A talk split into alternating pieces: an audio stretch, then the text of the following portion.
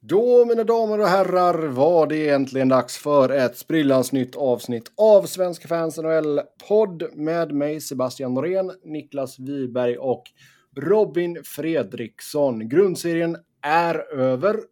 Sista matchen var här ikväll när vi spelade in detta mellan Winnipeg och Seattle. Så nu kan vi äntligen blicka framåt mot slutspelet. Vi kommer... En gång så har Dave Hackstall uh, delat ut en jävla pungspark till alla Flyer-fans. Mm.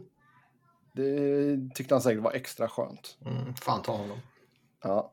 Så vi ska ta och gå igenom uh, slutspelserierna, ta en liten införtitt där. Uh, vi har några nyhetspunkter också såklart. Bland annat ska vi prata om Dustin Brown och eh, sen de eliminerade lagen som vi inte har pratat om innan. Och sen blir det lite awards och vi ska ta oss en till liten titt på NHLPAs player pool. Eh. Men vi börjar med att skratta lite åt Zürich och Rickard Grönborg. Oj. Niklas är så hatisk bra. Ja. Det gav mig lite glädje så här på söndagskvällen. Alltså det, fatta vad gott uh, alla skulle skratta åt dig ifall det nu blir så att Grönborg skulle komma in i, i Flyers. På något Då kommer jag sluta. du går över till Florida på heltid? Uh, Nej, jag kommer uh, liksom... Du bara NHL är dött för mig. Jag säljer lägenheten och sen så flyttar jag upp till en stuga i ödemarken i eh, Norrland och utan några prepping skills eller survival skills och sånt där så kommer jag väl dö inom två veckor och det skulle vara en befriande död. Du bara, vad är den här lurviga saken? Ja, ah, en brunbjörn, mm. oj då. Japp, men du kanske kan uh, Pierre-Edouard Bellemare ha någon stuga någonstans där uppe som du kan med. Som jag kan attackera, eller vad sa du? This is mine. Ja, uh, yes, men vi tar och hoppar in på nyhetsgrejerna här då. Först ut, Jeff Blashill får inte förnyat kontrakt i Detroit.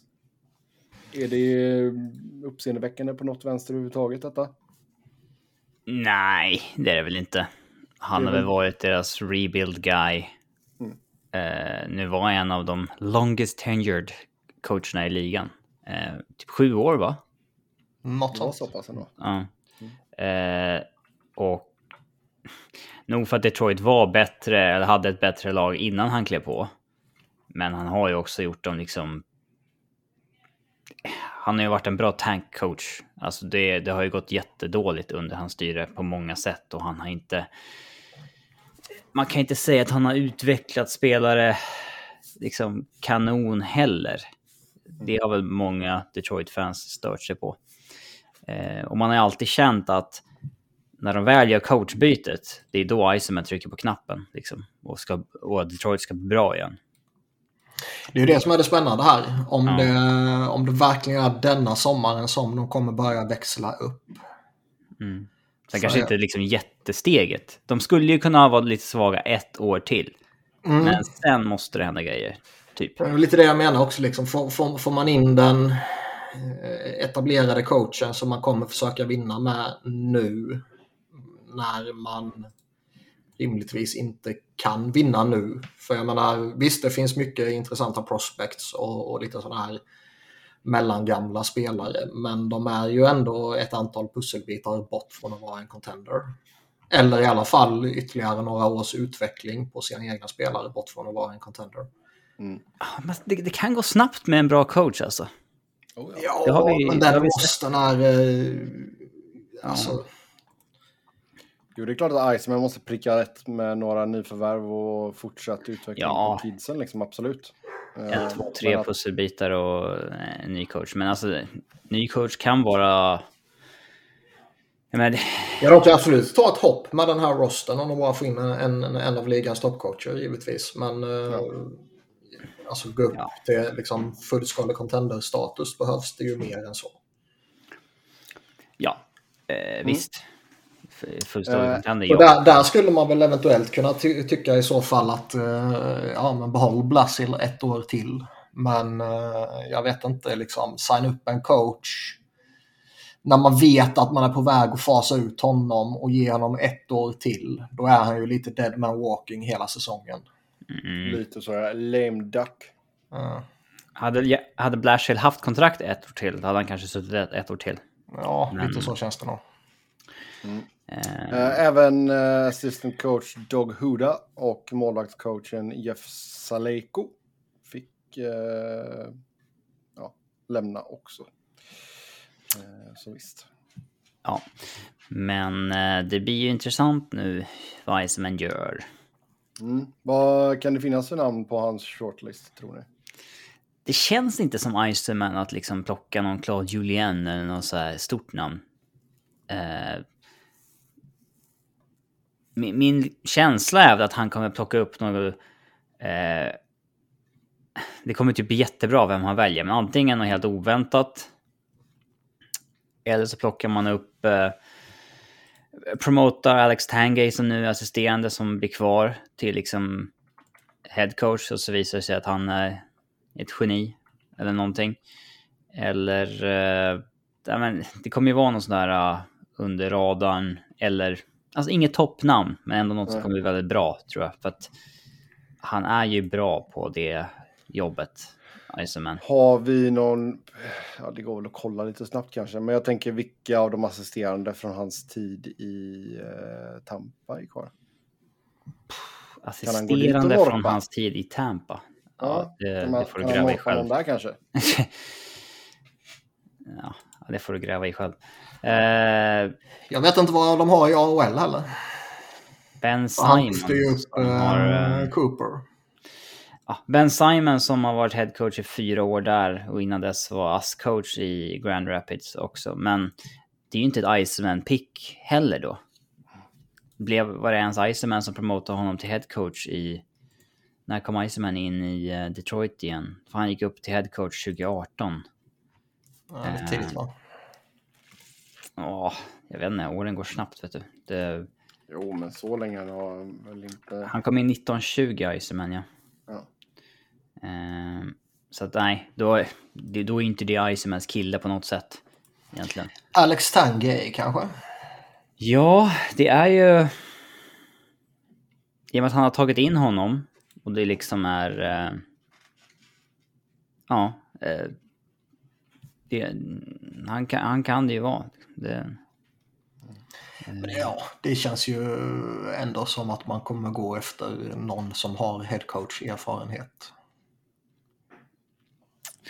ja, kanske det. Men det känns inte som att han hugger någon stort namn så. Mm. Så de assisterande som fanns Ja, i men det Tampa. skulle ju inte, alltså, plock, plockar han upp en eh, Peter de Boer om han får kicken eller eh, Mm. Ja, jag, Claude Julien eller eh, vad det nu kan finnas utöver som liksom, Rick Tocchet eller någon annan sådär. De stora namnen, det skulle ju inte förvåna det minsta. ja, jag Samt- tror inte Samtidigt så är man ju liksom. givetvis öppen för något, något eh, succénamn från collegehockeyn eller fan Europa för den delen. Ja. Det är en Rickard Grönborg. Ja, exakt. Igen. Jävligt tråkig, det är jävla skitpunkt att lyfta. har ju så jäkla många svenskar i systemet så visst. Men de assisterande som fanns i Tampa när han var där, det var Derek Lalonde och Jeff Halpern. Så har vi fått sagt det i alla fall. Men eh, nej, intressant ska bli vad skoj. man gör där. Det är, det är ju ett viktigt beslut, det kan man ju lugnt säga. Man skulle ju... Man skulle ju fortfarande kunna göra en kortsiktig lösning utifrån. Eh, Man kan ju plocka in en coach på ett tvåårskontrakt typ liksom. Men det är kanske... mm, Alltså det, Jo, det, jag, alltså, jag tror väl, alltså blir en sån som De Boer tillgänglig så lär väl han fortfarande vara jäkligt attraktiv, eller? Peter Boer, tro- alltså är man lite tudelad till. Eh, men man kan, vi kanske väntar till andra kommer till Vegas. Ja, det kan vi göra. Det kan vi absolut göra. Eh, han har jobbat med Guy Boucher tidigare i Tampa. Men det känns som att han... Mm, det tyckte inte Chris chans. om. Det känns som att han fick sin andra chans i Ottawa. Och blowade det lite där. Så att jag vet inte. Han blåade det jobbet. Uh, ja. Jag vet inte. Nej. Men det ska ändå bli intressant. Det känns ju lite som att man, man, man kommer ju sannolikt välja den coachen man kommer försöka bli bra med. Ja. Även om jag tror det finns ett litet fönster där man fortfarande skulle kunna välja någon mellanting så här eh, eventuellt. Men Typ någon så här jätteveteran på ett eller två år. ja, nå- liksom. ja, kanske inte så extremt, men, men åt det hållet. Mm. Eh, det tror jag absolut det kan finnas ett litet fönster för. Men Mark sannolikt är det Crawford. Ja, men typ. Men sannolikt är det väl coachen man vill bli bra med som man plockar in nu. Och det kan ju finnas en, eh, en poäng i att ta in den coachen så att han liksom får växa och utvecklas också med sin core. Typ. Ja. Eh, ett tränarnamn som verkar vara på tapeten det är ju Joe Quenville. Där går det spekulationer om att lag kommer gå hårt efter honom. Ja. Har han varit borta tillräckligt länge verkligen?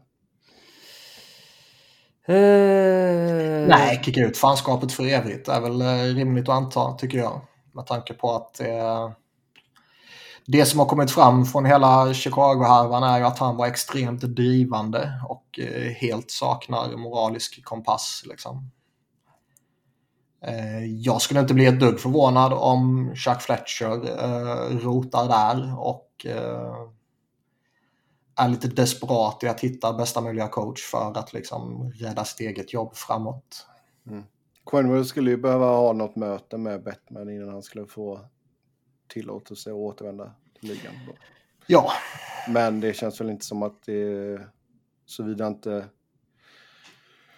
Quenville går dit och bara "Nej, jag ångrar ingenting. Åh, dra åt helvete. men han har ju Så- nästan, han har väl nästan sagt något sånt. Men inte riktigt med de orden. Nej, exakt. Men sen tror jag det kan bero lite på också, liksom, säg att det är, eh, ja, nu verkar det väl som Martin Saint-Louis kommer stanna i Montreal, men säg att de börjar kolla med honom eller Phil börjar kolla med honom eller ett annat av de mäktigare lagen i ligan börjar ligga på om att liksom, Gary Bettman och ligan ska, ska acceptera honom. Det kan ju väga betydligt mycket tyngre än om liksom jävla Arizona gör det typ. Jo. Men det- alltså det känns ju som att skulle... Ja, vi tar det när vi kommer till Vegas. Um, men visst, får han, får han klartecken så det är nog många lag som... För jag tycker alltså... Verkar ju vara, eh, som sagt, eh, icke-moralisk människa, men han är ju... Han har ju verkligen ett track record på, på isen som är bra, som jag tror många lagen så är sugna på liksom. Ja, han är en utomordentligt duktig coach fortfarande. Däremot så han som ledare är han ju bristfällig baserat på hela den situationen. För att vara lite... Jag tycker sånt här är så, så svårt och alltså... Vad var ens poängen med att han var tvungen att få sparken för ett år sedan om... eh, Eller mindre än ett år sedan. Om... eh, Om det nu är helt fair game att flera lag går efter honom igen. Nej, det, Var det så... bara något så här äh, gemensamt straff att okej, vi, vi stänger av dig från NHL ett år, sen kan du komma tillbaka när saker har lugnat ner sig. Typ. Ja, nej, men då tar man ju... det- Då var det ju bara PR-beslut ju, givetvis. Ja. Ja, det är inte Florida som rehirar honom. Det, det ska, nej, ska man ju säga. Nej, men alltså sen, jag menar, vi har fortfarande inte sett Mike Babcock. Det... Så menar, det kan ju vara så att Quenville är körd helt enkelt. Men sen vet man ju inte. eh, Babsan kanske själv inte aktivt har eh, försökt komma tillbaka. Utan han kanske har tagit ett kliv bort och han håller ju på med någon... Är det college eller är det någon annan ungdomshockey? Jag kommer inte ihåg nu. Mm, ja, han började på någon skola. Ja, han gör ju nå- någonting i alla fall gör han. Och han kanske är rätt nöjd med det. Får väl fortfarande pröjs från Toronto liksom. Ja, University of Saskatchewan. Ja. Eh, Så han kanske är nöjd där tills vidare och eh, man kan väl ändå tänka sig att vad fan hade Babsan? Hade han 12-15 år bakom sig som headcoach? Då kan det nog vara rätt chill att ta ett sabbatsår som sträcker sig över några år som dessutom råkar eh, vara under en jävla pandemi. Eh, så det kanske bara är så att han inte liksom aktivt har jobbat för att komma tillbaka. Men att Quenneville kanske gör det och därför går det lite fortare för honom. Mm. Så att Ja, han hade ju typ 16 och en halv säsong där. Mm. Så det tror jag absolut kan vara en faktor. Jag tror väl också att eh, den dagen som Babsan börjar både via sina kontakter och via liksom, offentligheten börjar lobba upp sig själv som att nu vill jag tillbaka till NHL så Ja. kommer det gå fort innan eh, någon plockar in honom tror jag. Han har faktiskt ett förflutet här i stan. Han var ju eh, med Cincinnati Mighty Ducks 01, eller 0001 och 0102. Men veterligen har han aldrig varit i Växjö. Så, mm. Japp. Sen eh, Dustin Brown meddelade att han kommer gå i pension efter slutspelet. Och eh, vi fick in en lyssnarfråga här, tror jag. Eller kom inte den med? Jo, det tror jag. Jo, blir ju rätt nyfiken på hur länge Sebbe kommer proffsa för Dustin Brown i både tak samt Hall of Fame. Ja, upp i taket så lär han ju komma. Eh, höja kuppen två gånger om som lagkapten. Det går inte att snacka bort. Nej. LA är ju, jag kommer inte ihåg när det var, men det var för något eller några program sen pratade vi Chicago ju. Mm. Om Hossa ska upp i taket så skulle liksom Kane och Toews och Keith och Seabrook och Sharp och Crawford och bla bla bla liksom. Ja. LA är ju nästan något liknande, eller? ja, det är väl eh, Brown, Kopitar, Quick och Doughty. Ja. Och De sen så är det väl... känns ju stensäkra. Ja, så är det väl. Och sen så känns det som att det skulle kunna vara ytterligare någon. Är Justin Williams tillräckligt stor för dem? Är, eh, vad fan hade de mer? Någon av de här backarna som var med? Eh, Massin Martinez. Liksom. Nej, det är väl... Willie Mitchell var någon jävla I och kultfigur med att, I och med att Massin och Martinez försvann eh, så visst, de var ju med och vann, men i och med att den, de fyra där har fortsatt att lira i Kings så känns det, de fyra känns dundersäkra liksom, oavsett vad som skulle sån som. Jeff Carter. Ja, det är väl borderline. Alltså ja, men de- det är några sådana som är borderline liksom. Ska man... Alltså var, var drar man gränsen liksom? Men jag tycker de, de fyra känns ju dundergivna. Ja, Dustin Brown är intressant så tillvida att liksom, han, han har ju... Han har ju aldrig haft en bra eh, grundserie. Alltså bra i den bemärkelsen att han liksom har varit en, eh, en toppspelare i ligan. Däremot så hade han ju några, några bra år där när, när de var som bäst såklart. Och lyfta kuppen som kapten är väl rimligtvis stort såklart. Ja, ja, och framförallt var han ju, han var ju häst i första slutspelet där 11-12 liksom. Häst. Ja. Sen har det ju känts som att det varit en komplicerad relation mellan han och organisationen stundtals. ja, alltså det är klart han blev ju av med C och grejer. C och grejer.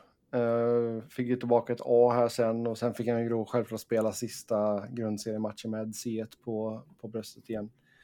Eh, men eh, nej, jag tycker dels cupvinsterna, dels liksom har han spelat i Kings hela karriären.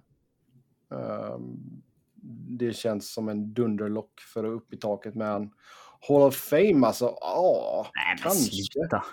Ja, men kanske. Jag säger inte att det är någon Nej, sån här first, first ballot Nej. kille liksom. Nej, Aldrig någonsin. möjligtvis typ 2073 när de har fått slut på alla jävla namn. Ja. Men eh, nej, jag säger inte att han Nej, är självskriven i Hall of Fame, men han skulle ju han skulle kunna halka in. Nej, det skulle... Nej, finns inte herrejävlar vilken tragedi om det blir så. Herre, fy fan. Men alltså lite, lite som vi sa där kring Chicago, då är det några som rimligtvis, alltså Dowdy och, och Kopitar är ju solklara när, när det väl, alltså för, för tröjan. Mm. När det väl blir dags för dem. Quick är väl det kanske också, Brown är det kanske och sen så börjar det bli lite Justin Williams, Jeff Carter, uh, ytterligare någon av de här backarna vi nämnde, kanske ytterligare någon som man inte kommer på på rak arm nu som var med hela tiden. Alltså, vin, vinner man ett par kupper inom tät period så, där, så helt plötsligt så är det jävla många. Samma diskussion kommer vara i Pittsburgh så småningom. ju. Ja. Det som var mest imponerande med Dustin Brown är väl framförallt att han eh, lyckades liksom vända trenden i sitt åldrande. Oh ja. Alltså, han var ju... Han var ju nästan slut kändes det som. Set och det där. Alltså han var ju riktigt på dekis från ålder 29 till 33 liksom. Mm. Då... eh, Sen så lyckades han ju vända alltså både underliggande siffror och hans poängproduktion. Eh, vände ju rejält säsongen 17-18. Eh, och... Eh, ja, alltså han... Jag kollar inte tillräckligt mycket Kings för att... Eh, eh, ja, säga exakt vad han ändrade i sitt spel om han liksom... Vissa lever ju mycket på talang i början eller lever på fart och sen när man tappar den så kanske det tar ett år eller två att liksom återuppfinna sig själv hur man ska använda de egenskaperna man har kvar och den biten. Men Um... Nej, men jag tror väl, alltså en del var väl just den mentala biten med, med kring C och allt det där och jag för mig att han har sagt att det liksom, ja, det, det vägde lite på honom liksom. Um, och sen så han har ju spelat liksom i gynnsamma situationer med bra kedjekamrater, fick ju fick det att stämma ordentligt igen med Kopitar liksom uh, ett tag där. Så Um, ja, det är ju riktigt liksom imponerande som du sa där, att han lyckades vända det. För jag menar, man var ju sjukt trött på honom eh, ett tag där. Och ville ju bara ha bort honom liksom. Så nej, han ska verkligen ha cred. Så vi får se här ifall de kan få en bra ja, avslutning på hans karriär här. Helt enkelt. Är det rätt att annonsa så här inför ett slutspel då? Ja, win for Dustin. Ja, det kommer de inte göra. Perfekt jävla tändvätska. Nej, det lär de nog inte göra. Det hade varit något. Och, eh, då Och vinna kuppen med det här laget utan Drew Dowdy. Fint det hade varit va? Oj, oj, oj. Quick står på huvudet igen. Mm. Nej, men det känns liksom lite som att LA, de, de ryker väl första rundan rimligtvis. Uh, Ja, säg inte det. Är det någon, eh, någon jävla upset som jag har i min bracket så är det att de lyckas ta sig förbi Edmonton. Ja, visst det är väl det som det är väl motståndet som talar för en LA-skräll. Mm. men men eh, ja, ryker de inte där så ryker de ju sen. Liksom. Ja, lite så känns det. Eh, och oavsett vilket kommer du ju, även, även om man inte har förväntningar att de ska vinna nu så torskar man i slutspelet och åker ur i slutspelet så blir det ju alltid en liten bitter sorti och besvikelse och allt vad det kan Ja, vara. det blir det väl, men på det stora hela så Ja. tycker jag att både, både laget och Kings fansskara ska vara väldigt nöjda med denna säsongen. Jo, jag menar inte så. Jag menar bara i relation till Dustin Brown.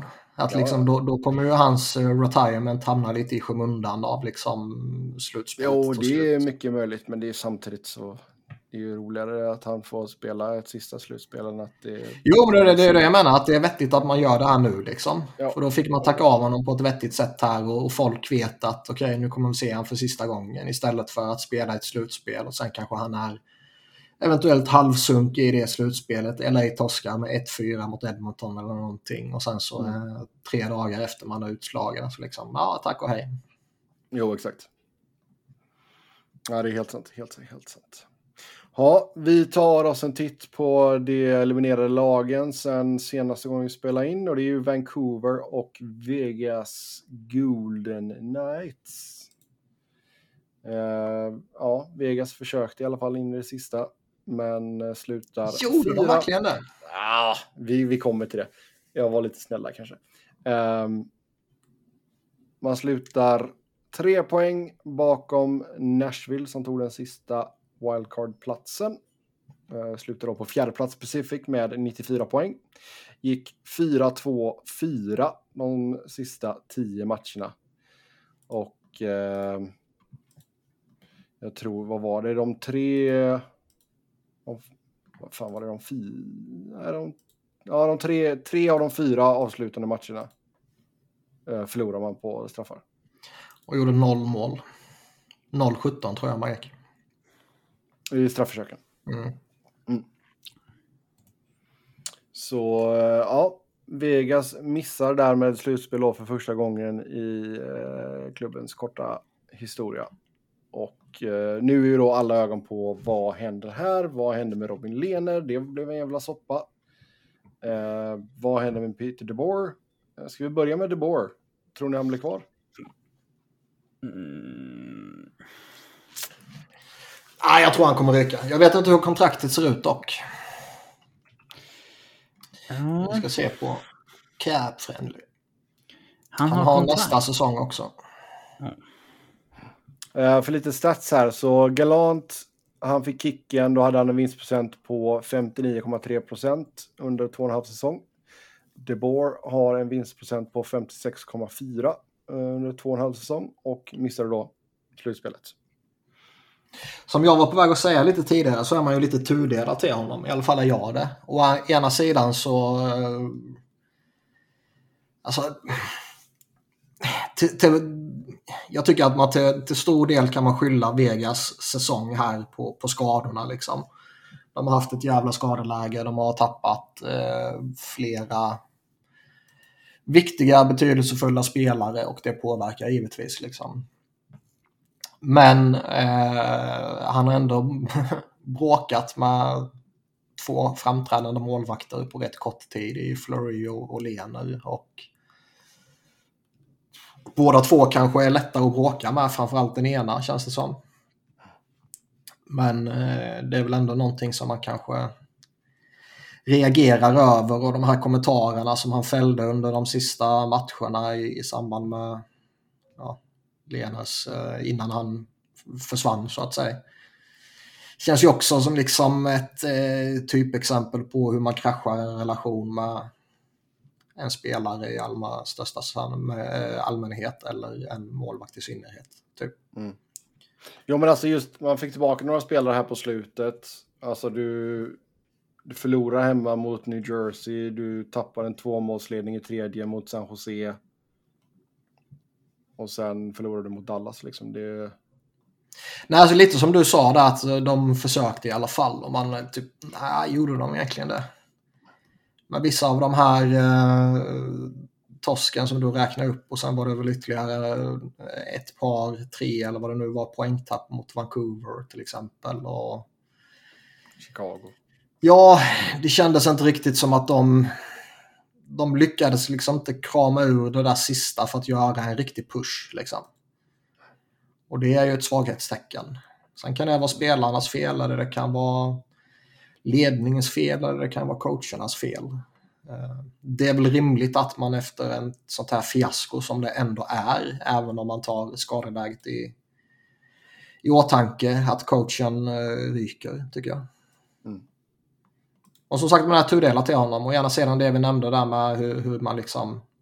Han känns lite udda och han börjar bråka med vissa spelare och så här. Men sen samtidigt så han tog Devils till final. Han tog Sharks till final också väl. Och han har tagit Vegas till konferensfinaler. Så han har tagit tre lag långt. Mm. Och både Devils och San Jose kändes ju som eh, bra bedrifter att ta dem långt liksom. Mm. Ja. Ja, och sen Alltså- alltså, som sagt, Lener-soppan alltså. Han, först fick ju rapporter om att han skulle opereras så att säsongen var över för honom. De Boer säger nej, det är ingenting jag har hört om. Och sen så satt han på bänken på söndagen och sen på måndagen så bara, ja ah, men nu ska han operera axeln. Eh, och att han inte, ja, att han är körd för resten av säsongen liksom. Det... Man undrar ju hur mycket av, för det var ju lite konstiga grejer där som sagt. Man undrar ju hur mycket som bara är liksom att man inte, man försöker deflekta. Finns det något svenskt ord? alltså lite, lite... Parera. Parera bort skiten från media bara liksom. Att man, Ja. man pallar inte ta i den där frågan liksom. Då, då bara säger man någonting typ. Det kan ju vara en, en faktor givetvis. Det kan också vara så att man inte riktigt visste. Det kan också vara så att det är jävla dålig internkommunikation. Ja, kanske. För det kan ju faktiskt vara så att man, man vet inte hur, hur det är med skadan förrän man har lyckats göra den där undersökningen och fått den där beskeden. Det, Nej, nej, det är absolut Så kan det ofta vara. Liksom. Ja, men han har ju haft lite problem med, med skador även innan, innan under säsongen här och det Mm. kollar man lite på dem så ja, det, om man har det i bakhuvudet liksom, ja, han kanske inte ser helt hundra ut liksom. Ehm, för jag, jag tror fortfarande att Lener kan vara en, en topp 10 målvakt i ligan liksom, om han är frisk. Sen är ju bara frågan här nu, hur är relationen mellan Vegas och Lener liksom? För menar, han har, vad har han, tre år kvar på sitt kontrakt, fem miljoner i capita. Mm. Och jag menar liksom en, på en, en frisk Lener på normal nivå, då är det, ju ett bra kontrakt. Ja, verkligen. Men historien har också lärt oss att Robin Lehner kan vara eh, distraherande. Han är en löskanon på många Ja. sätt. Jag köper inte alls det här att han skulle vara liksom NHL-hockeyns, en av NHL-hockeyns viktigaste röster och bla bla. Liksom. Han är ju... Han är ju lite galen också. Alltså jag tycker det han, det han har gjort med att lyfta mental ohälsa och sådana grejer, det är ju jätteviktigt. Ja, visst, men det gör ju hur många som helst. Ja, men det kanske inte är jättemånga, det är ju inte många som gör det i NHLs värld. Nej, så är det ju. Men jag menar, man ska inte sitta här och måla upp han som någon ängel. Nej men alltså... Ända sedan han gjorde det så har det varit som att han, vad han än gör så är det liksom någonting bra. Alltså, han har ju liksom aldrig ifrågasatt för någonting efter det. När han kommer och skickar ut anklagelser. Eh, det, alltså, Han svingade mot Vigneault har jag för mig. ja, han svingar mot, alltså... Bara för han då har den här liksom skölden av att han har snackat om mental ohälsa så blir han liksom inte Nej, nej, alltså, kritiserad det, för det skulle- inte göra att han ska vara fri från kritik, absolut. Ja, men det är lite så det funkar. Men eh, nej, det återstår att se hur relationen är mellan honom och laget. Och det, jag tror att De Boers vara eller icke vara kan nog vara en stor faktor i det också. Han Uh, borde ju ryka alltså. De Boer eller Lener eller båda? Ja, det borde tänker jag på. Men eh, är relationen körd med hela organisationen så bör de ju försöka dumpa honom. Mm. Sen så är det ju intressant med Vegas det här liksom att, som vi har sagt tidigare och som nästan känns som att vi tjatar om liksom att det ska bli spännande att se vad de gör. De har inte varit i den här situationen tidigare. Det känns som att de har en trigger-happy ägare och något eller några huvuden kommer rulla.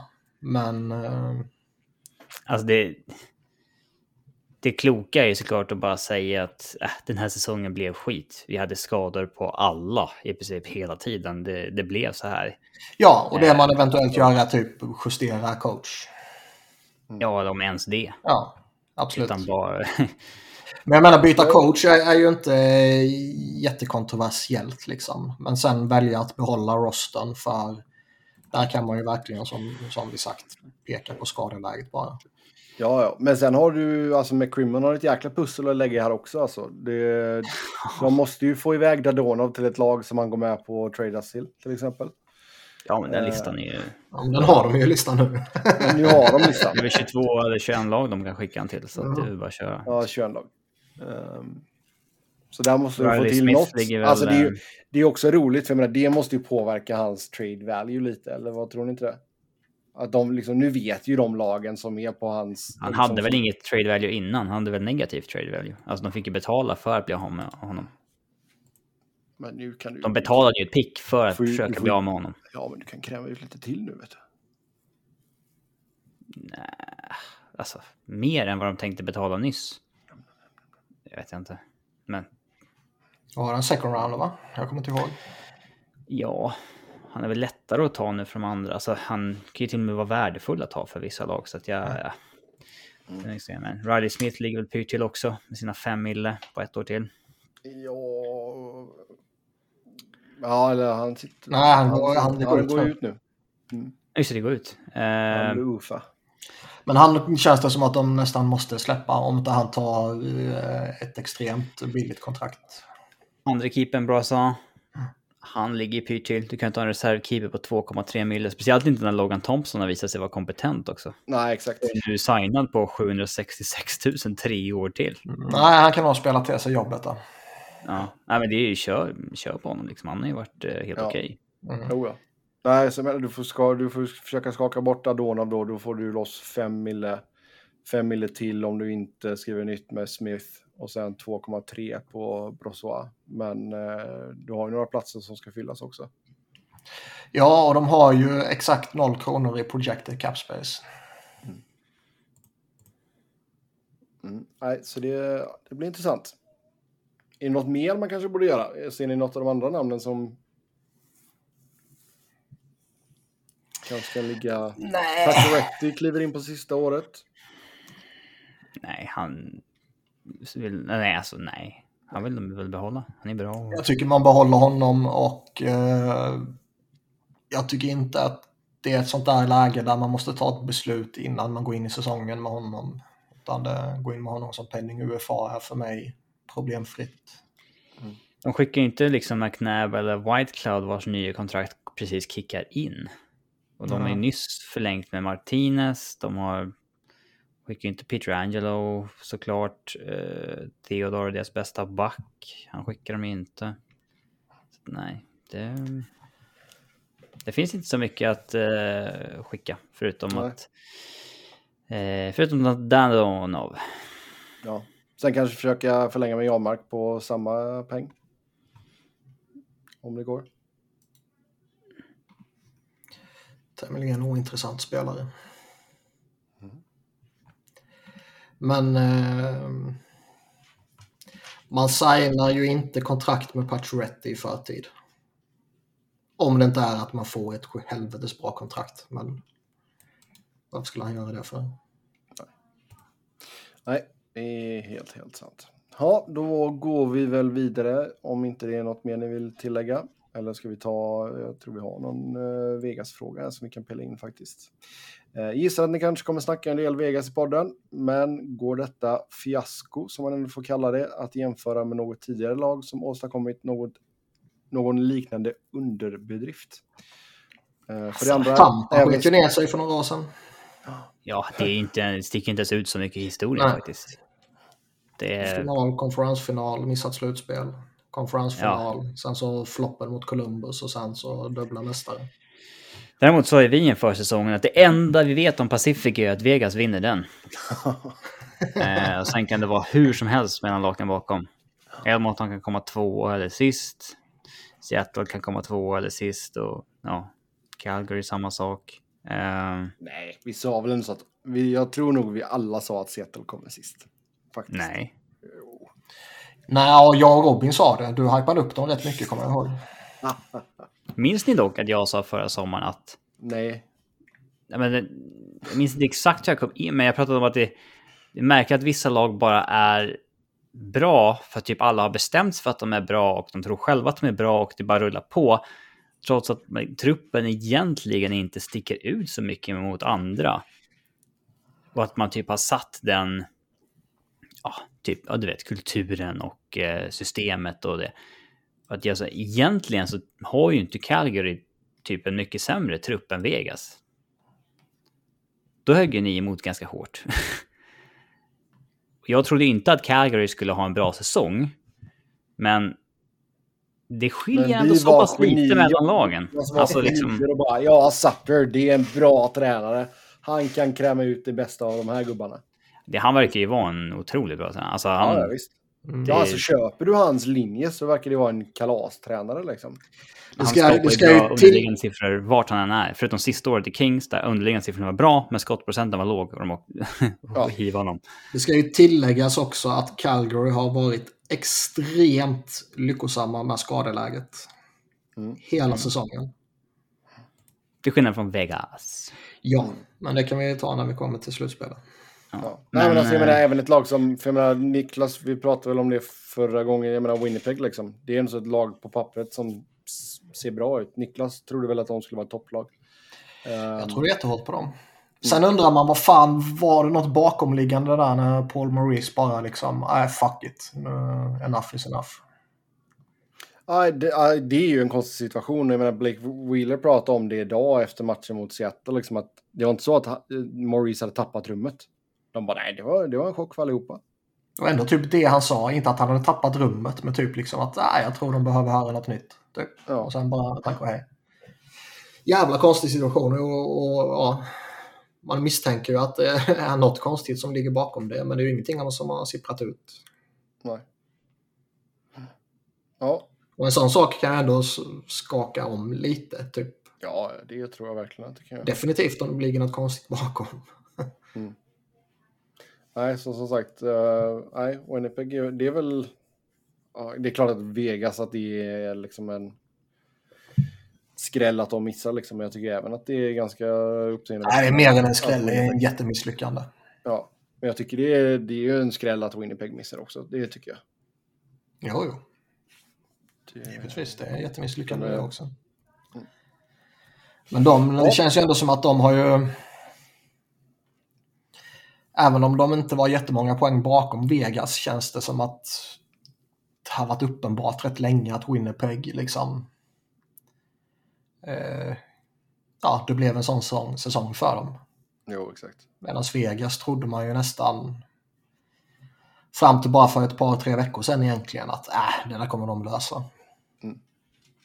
Jo, jag menar, de, visst det var ett hårt slag för dem när Mark Stone eh, blev skadad, men sen då bara, ja, men nu är Eichel redo. Okej, okay, gött, då kör man liksom. Ja, nej, men ja. Så visst. De tog ju en liten chansning där med honom också att eh, vänta ut säsong eller vänta ut hans eh, hans comeback liksom. Man visste inte riktigt vilket slag han skulle vara i och så vidare och vad det innebär mot kappen och hela köret. Så det är ju... Ja, Ibland händer sånt här och som vi sa, man, man kanske bara ska sitta lugnt i båten över sommaren. Eventuellt kanske man roterar ut De bor, kanske beroende på hur den där relationen egentligen är. Och eventuellt med Lena, vad, vad som händer där typ. Och sen måste man skapa sig lite cap space, men... Eh, Alltså det är ju fortfarande ett lag som ska ha höga förväntningar på sig i kommande säsong. Oh, definitivt. Definitivt. Men uh, man, man, ska väl kanske inte låta den ena bomben efter den andra brisera, menar jag. Nej. Ja, vi eh, går vidare till Vancouver. De eh, slutade fem poäng utanför slutspelet. Två poäng bakom Vegas också då, 92 poäng. De gick 6-2-2 senaste 10, eller sista 10. Men de hade ju en sån jäkla uppsving efter uh, Bruce Bordeaux kom in. Ja, bra coacher kan få resultat. Ja, det känns ju som att det, det är ju någonting de måste lösa så att han stannar liksom. Men det verkar ju som att det kommer bli så. Det var ju lite snack tidigare att uh, det var lite up in the air. Men nu är väl snacket att han kommer fortsätta. Och uh, det skulle vara en jävligt konstig situation annars. Även om inte han var deras rekrytering typ. Han hade varit en Detroit-coach annars. Ja den offensiva hockeyn hade Iceman och alltså de unga spelarna. De har ju många offensivt skickliga spelare. Mm. Kan man lugnt säga. Men det ska ju bli intressant att följa här Vancouver också om de ehm, om det ligger något i det här att de vill eh, justera omklädningsrummet lite. Och vad det skulle innebära. Alla spekulationer om JT Miller och så vidare. Sägs väl också att deras prioritering är att ta tag i Bo Horvat och förlänga honom. Och det är det första man kommer göra. Och det är väl rimligt med tanke på att han är kapten. Mm. Annars, eh, vad tror vi om Brock Boser till exempel. Blir ju penning RFA här. Hans namn har ju nämnts lite i trade-rykten. Ja, det är väl han eller Jake Miller eller Conor Allen kanske, om man vill skaka loss någonting. Jag vet inte om jag skulle våga ge honom ett sånt där superkontrakt som han förmodligen vill ha. Så vass är han inte riktigt. Nej, men samtidigt känns det väl som att man skulle kunna sparka det där ett år framåt, typ. Han alltså, I och med att han är RFA så kan du ju få någonting för honom nu. Han blir väl... Ja, hur många år har han kvar till UFA-status? Han kom in, han gjorde sin första fulla säsong 17-18. Mm. Skitsamma. Eh, hur som helst så... Ja, nej, jag hade nog tradat. Han... Eh, ja, han, alltså, han är inte... Han verkar ha ett större rykte än vad liksom, han faktiskt är. Eh, man kan inte trada iväg alla som är bra alltid liksom mot... Eh, men det känns ju ändå som att nya Vancouver-ledningen vill bygga sitt Vancouver. Kanske inte klamra fast vid det som var halvbra från Benning-regimen. Nej. Mm. Nej, och sen alltså det, det kan ju vara också liksom många bäckar små. Det, det behöver inte vara så att du ska göra en hela rokad nu i sommar liksom. Utan det kanske räcker med ja, två, två spelare kanske. Och sen fortsätter du. Och... Jag tror inte att du kommer se att liksom halva laget byts ut bara sådär på en handvändning. Nej, det ser man väl aldrig. Men eh, nej, någonting kommer de göra känns det som. Mest för som Robin sa, de vill sätta sin prägel på det. Mm. Eh, det tror jag definitivt. Mm. Uh, ja, det är väl inte så mycket mer att säga om Vancouver eller? Nej. Då tror vi går vidare. Och uh, vi ska ta ut våra awards här. Så vi inte glömmer det. Sen. Att man har glömt av hela grundserien efter slutspelet är över. Gissade vi innan säsongen eller ska vi säga vilka vi tycker? Nej, vi ska säga vilka vi tycker nu. Jag kommer inte ihåg vad vi sa inför säsongen. Det är alltså, Robin, sånt här får du skriva ner i så fall. Det är sånt som man... Däremot, vi måste börja ändå... Vi måste börja återkoppla till vad, liksom, vad vi sa för liksom, säsongspredictions på vilka som går till slutspel och inte. Ja, det skulle det vi väl egentligen bort. kunna ha gått tillbaka och lyssnat på. Eller skrivit ner. Ja, fan, borde vi ha, vi kanske borde ha ett dokument. Dokument? Ja, att vi har ett delat Google-doc. Uh, Google, ni får gärna sponsra podden också. Där vi liksom skriver ner sådana här lite, lite, lite mer viktiga grejer. Liksom. Jag har inga mm. viktiga saker att skriva ner. Nej, men vår slutspelsbracket här nu, den lär vi få återkomma till. Mm. Men det här med Wars, det är fan det tråkigaste hela året. Man ska säga ja, men då tar vi det lite snabbt bara. Ja. Heart. Ska vi ha diskussionen igen om vad Heart innebär också, som vi har varje år? Nej, det behöver vi inte. Jag är så jävla trött på. Säg bara spelare. Jag var trött på... Nu när Avs har haft spelare som är aktuella för awards de senaste fem åren. Okej, nu är det lite ilandsproblem, lyxproblem. ja, jag vet det. Åh oh, nej. ja, stackars Robin. Mm. Eh, eh, ja, alltså det är så jävla tröttsamt att följa det här. Nu ska vi heja fram vår spelare till awards. Speciellt genom att typ så här snacka ner den andra spelaren som de typ förmodligen aldrig ser ändå. Med att liksom, ja, Josie är mycket sämre än McCarver. Båda är ju helt fantastiska, sluta larva er liksom. Det, eller det var ju samma sak med Adam Fox i fjol, när det var McCarr vs Fox. Året innan det var det McCarr vs Quinn Hughes i uh, um, Calder. Året innan det var det McKinnon mot Taylor Hall i Hart så jävla tråkig diskussion att följa vem som är mest värd priset liksom. Speciellt när det är så många biased människor som eh, eh, liksom bara hejar på sin gubbe. Det är som att de bara har blivit tillsatt eh, ena debattlaget i skolan liksom. Och bara ni ska argumentera för den här spelaren. Det absolut tråkigaste och mest meningslösa och patetiska jävla skiten är dock de som pratar och eh, resonerar om Lady Byng. Uh, ja, det är ju den viktigaste av dem alla, Lady Bing. Alltså. Det... Nej då. Men stort vi, misslyckande att vinna den. Heart Trophy. Nu, vi bara säger bara höfta nu gubbar. Heart. Man är lite, alltså det är uppenbart att slänga upp Conor McDavid givetvis. Det är uppenbart att slänga upp uh, Austin Matthews, ja. Jag tycker också det är uppenbart att slänga upp Storken.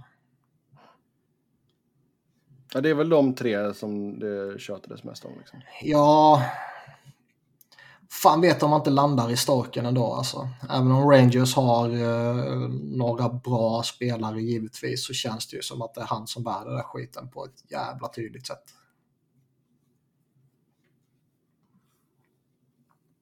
Jag skulle nog rösta Matthews. Ja, det kommer ju hela jävla Toronto-media göra också. Och du är väl uh, påverkad av dem då. De bara, vi kuppar hem detta gubbar. Nej, men jag menar alltså antingen kommer ju hela jävla Toronto-media och de är många och de är mäktiga. Kommer de ju rösta stenhårt på Matthews.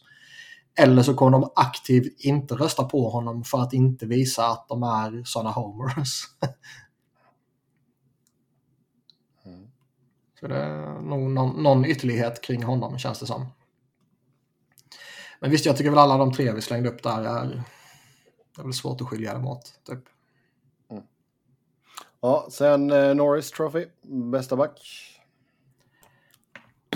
Roman Josi tycker jag.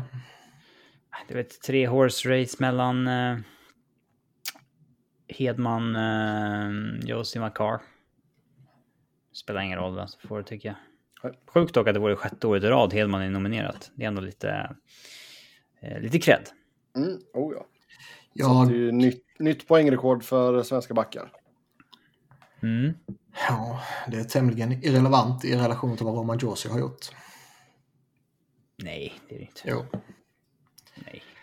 De är ja, ungefär samma. Jag, jag vet att det, det är vissa sådana här modeller som har typ Roman Josi. Nej, men han är liksom ja, jättefantastisk offensivt, men han är inte i närheten defensiva som vissa av konkurrenterna är. Men jag tycker att ganska många modeller håller inte Hedman så högt heller. Nej, men jag tycker liksom lä lägger man Josi, eller lä lägger sig Josi på den extrema nivån han ändå låg på 96 poäng och är liksom en av de främsta någonsin och definitivt i den moderna eran nu då, då är det saker som överskuggar vissa defensiva tillkortakommanden. Mm. Alla, alla tre är ju eh, värdiga priset på ett eller annat sätt. Ingen... Ja. Ja. Men om ni ska rösta på en, då blir det? Josie, sa jag. Skitsamma, tycker jag. Okej, okay. säger jag McCar så inte du behöver säga det.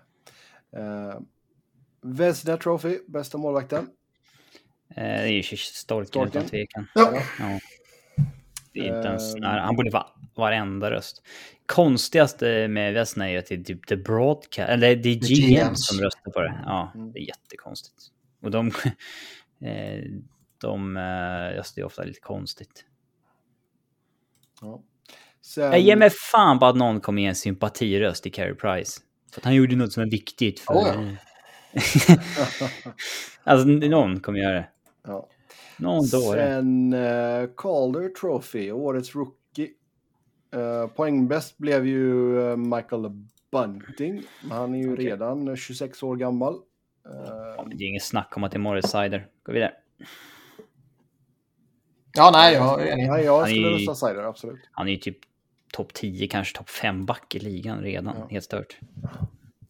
Uh, Selke Trophy, bästa defensiva forward tråkigt nog så är Bergeron otroligt överlägsen i den här kategorin fortfarande, trots sin ålder. Och det är ju eh, ja, anmärkningsvärt.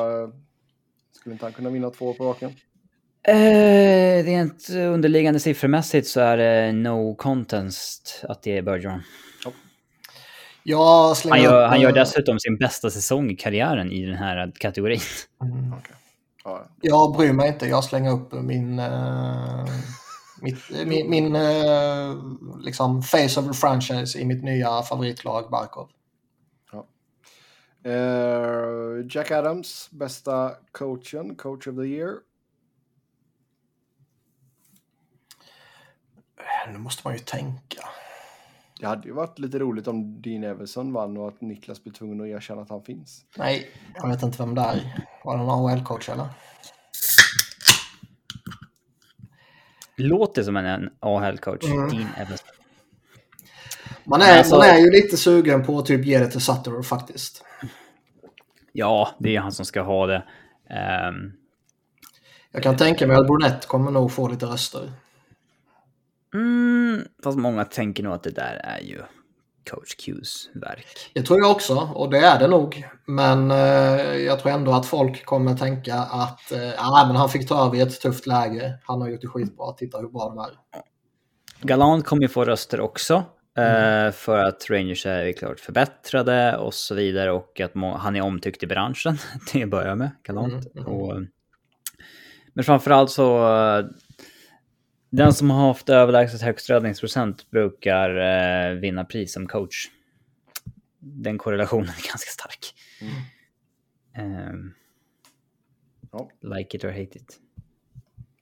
Eh, och sen eh, GM of the year kan vi väl avsluta med då. Ja, det här priset är alltid jävligt svårt. Jo. Ehm, Bill Cedar. Bill Cedar, exakt. My guy. Ja. Det. Är väl eh, så. Han har ändå på ett sätt... Eh, eh, eh, alltså i fjol var ju Hörnqvist i första linen. Nu är han nere i fjärde linen. Ja. De blev väldigt snabbt gick den från liksom ett bra lag till elit. Pang. Eh, dels genom egen utveckling på spelare och sen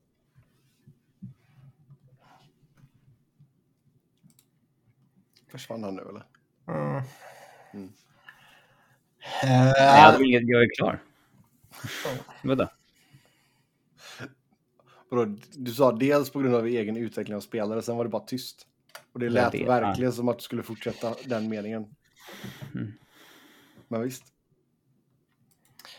Eh, nej, men Bill Cedar tycker jag ligger bra till. Jag tycker väl, vad fan kan man mer slänga upp bara för att säga någonting? Det är alltid så här, den som gjort sommarens bästa trade. Liksom. Det, Ja. det, eh, Svårt att komma på något mer egentligen. ja, kanske... Kanske Bill Guerin kommer få lite röster för att Minnesota ligger femma i ligan. Eh, eller kom femma i ligan. Och, eh, ja, alltså gutsy move att köpa ut Sutter och Parise och bygga nytt och det har ju gett frukt. Så att, eh, Mm. Han kan Ja. nog få lite röster. Han är också omtyckt i ligan vad det verkar som. Så det, det hjälper ju. Oh, ja. Eh, ja, vi tar och släpper de awardsen där och sen så går vi vidare till NHLPAs spelarenkät. Den de var själv- tråkigare än på länge, eller hur? där Det var inga intressanta fått- frågor. Nej, de har fått rösta på lite olika grejer här. Ehm, Ja. om du är tvungen att vinna en match, vem är målvakten du vill ha i ditt lag? Andrei Vasilevski vann den omröstningen, 37,4 procent. Carey Price tvåa, 13,9. Mark-André Fleury trea, 6,7 procent. Det är ju fascinerande ändå att Carey Price som gjorde typ en handfull matcher Ja, ja. fortfarande är the go-to guy för rätt många spelare. Oh, ja. Och den här eh, publicerades för några dagar sedan. Det känns som att själva undersökningen nog kan ha pågått under en vecka eller två. Alltså den kan väl ha hållit på under hela säsongen va?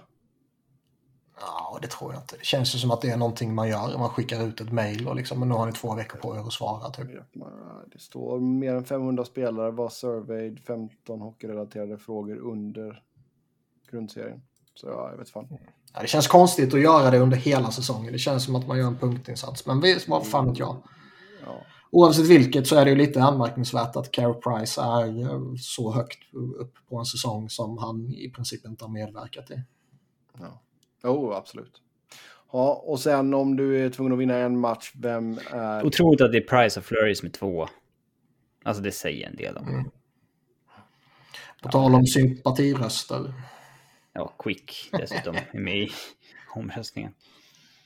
Mm. Ja, de andra som är med här som fick röster var, eller som vi ser hur många röster de fick. Det var Gibson 3,5% Markström, Quick och Jussi Saros på 3,1 Other 28,86.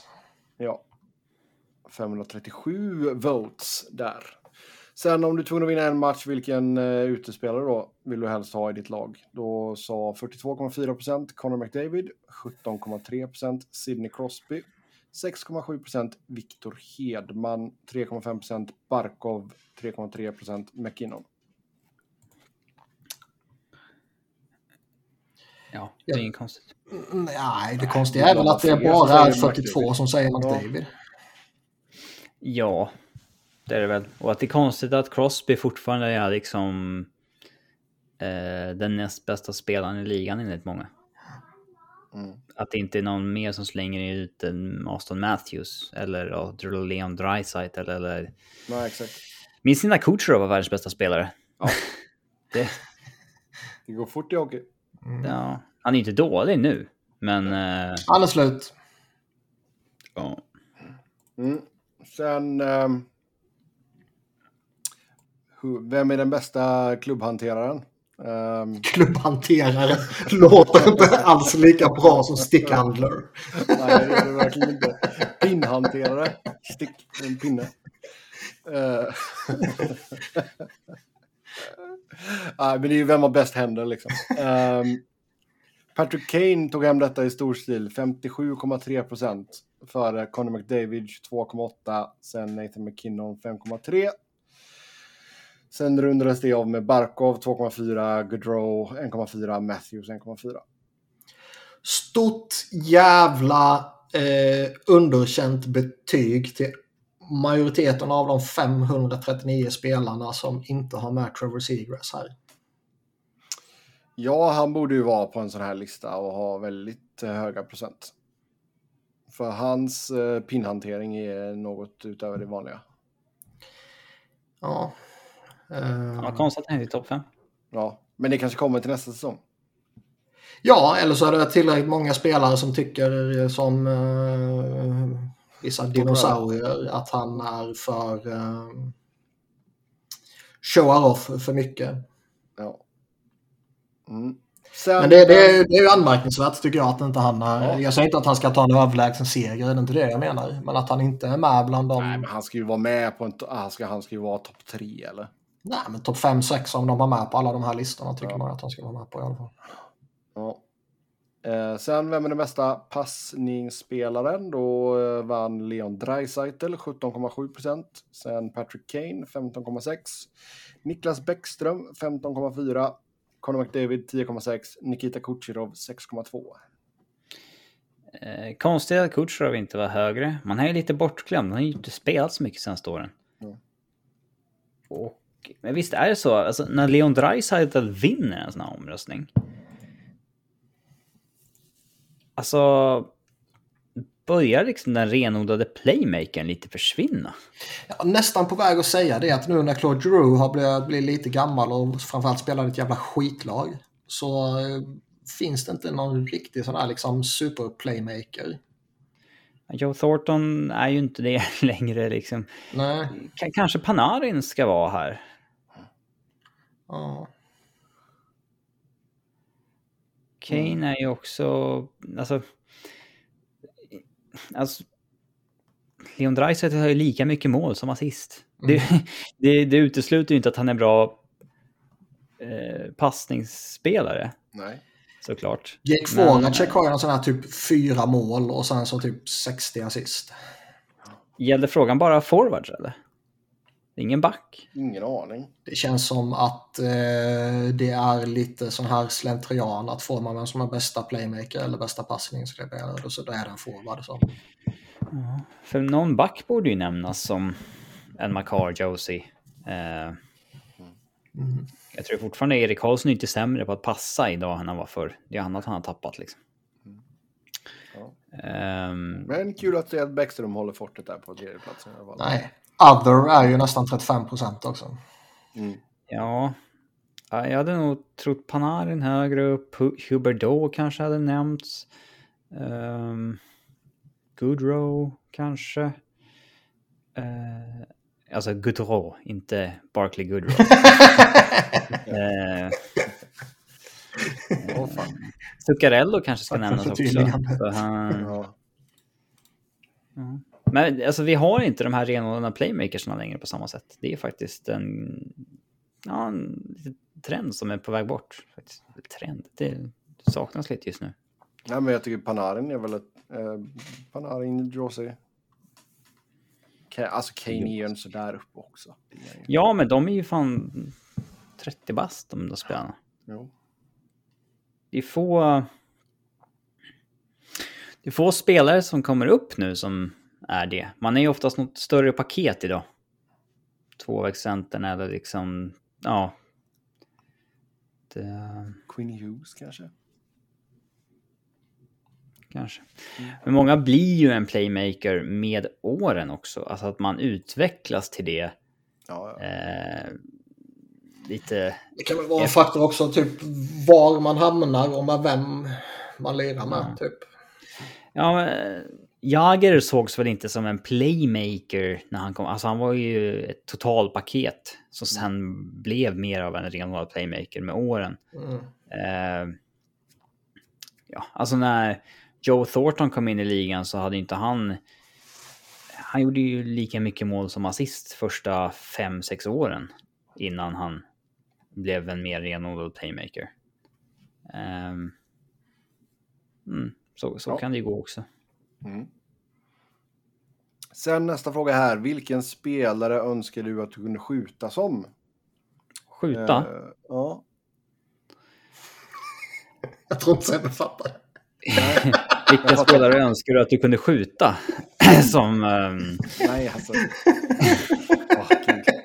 Eh, vems skott hade du velat ha? Ja, Ja.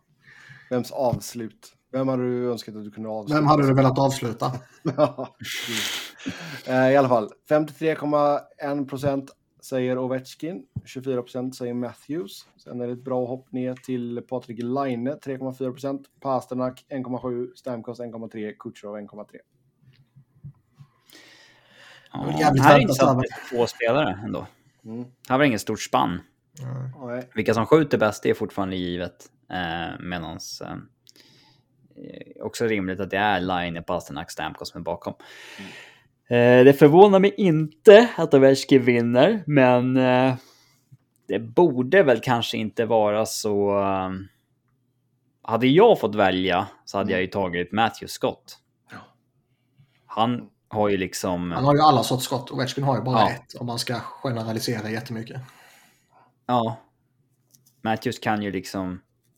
Han skjuter på alla olika sätt. Ja. Direktskott, snapshot, liksom handledsskott, dolt och i skäret. Liksom. Visst, Ovechkin har väl lite också, men Matthews... eh, Jo, men det är ju skillnad på Matthews. Vad är han? 24, 25? Och en mm, Ovechkin som är 35 plus liksom. Um, Jo, givetvis. Och det är ju en grov generalisering att säga att han har ett skott. Men det är liksom, han har ju ett eller en go-to-move typ. Jo, jo, men alltså det, Matthews har ju ändå... Eh, han har ju mycket mer i sitt register på ett sätt som Ovechkin inte riktigt har fortfarande. Eller, eh, fortfarande, inte liksom. längre. Nej. Ja, sen vem är den mest kompletta spelaren? Då vann Sidney Crosby med 29,5 procent före Alexander Barkov 20,5, Patrice Bergeron 19,5, Conor McDavid 9,2, Ange Kopitar 2,6, Other 18,58. Ja, det är lite... Det är inte förvånande att Crosby fortfarande vinner, men jag tycker inte att det ska vara så riktigt längre, va? Alltså han kom delad etta med Bergeron förra året. Um. Han är ju komplett. Han kan ju göra allt, Crosby. Så är det ju, men... Eh, Han är komplett och han är fortfarande jättebra givetvis. Men eh, jag tycker det börjar komma en ny generation som börjar klättra förbi honom lite i ja. Mm. de Och flesta. sen sådär. vilken arena har den bästa isen?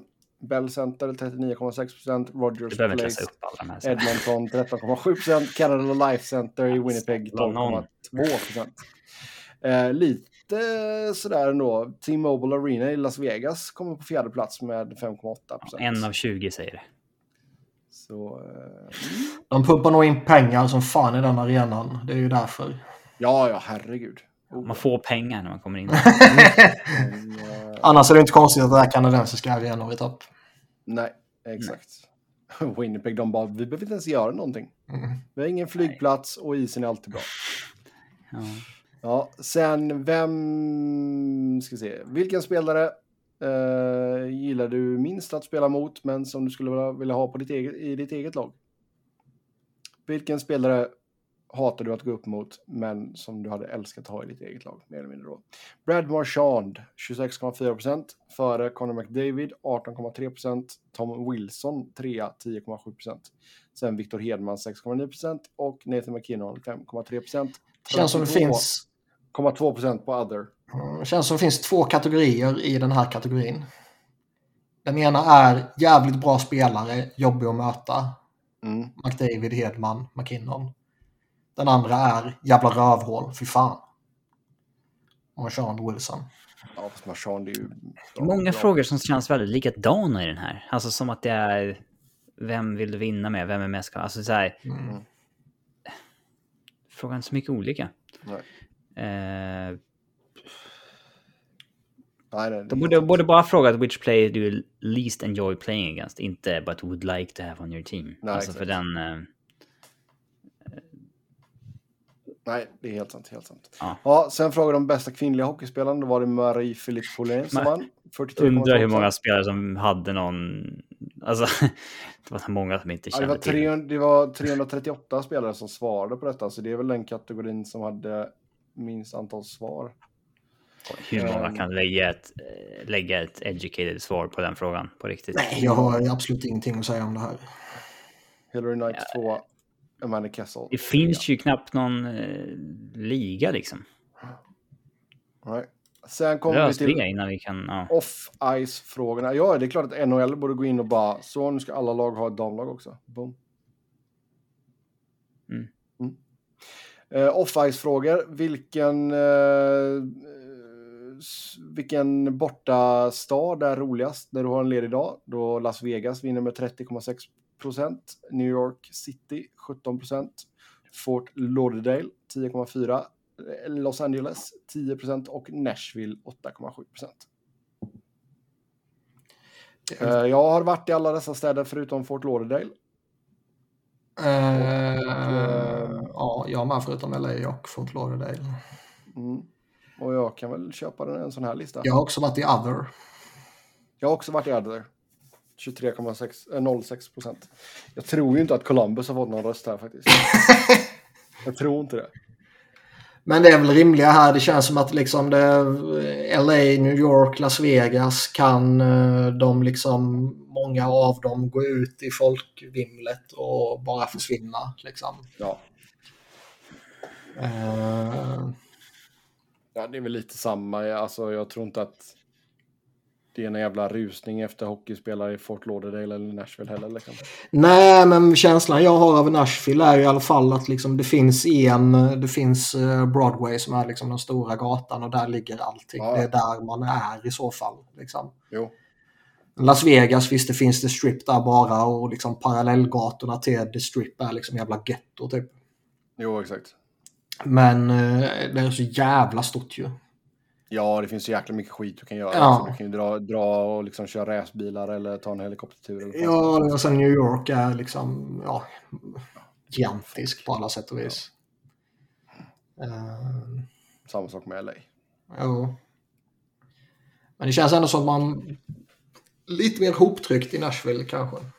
Mm, absolut. Men det lär ju vara, alltså det kan ju vara att de har en ledig dag och kan parta liksom och då att Broadway är är bra liksom. Absolut, men jag Eh, tror man försvinner i vimlet på ett annat sätt i Las Vegas och New York och LA. Ska Ja, vidare nu. Ja, ju, jag tänkte vi får ju prata, vi måste få en rapport från Fort Lauderdale helt enkelt. Eh, vad skärmen är där. Eh, Det är sen nog vilken, Florida, det är varmt och eh, beachen. ja, jaga alligatorer. Mm. Eh, vilken spelare skulle kunna vara proffs i en annan sport? Ja, då säger Vilken oerhört pissig fråga. 4 Vem fan... Ja. Ja, 4 säger Joe Pavelski i golf, 3,6% säger Anders Lee amerikansk fotboll, 3,3% säger Zdeno Chara basket. Det är 300 som har röstat, så det är liksom 12 personer som har sagt Joe Pavelski golf. Det vill säga halva Dallas-laget för att man vet att han är bra på golf. Ja, Det blir liksom helt meningslöst att lägga någon värdering i de andra.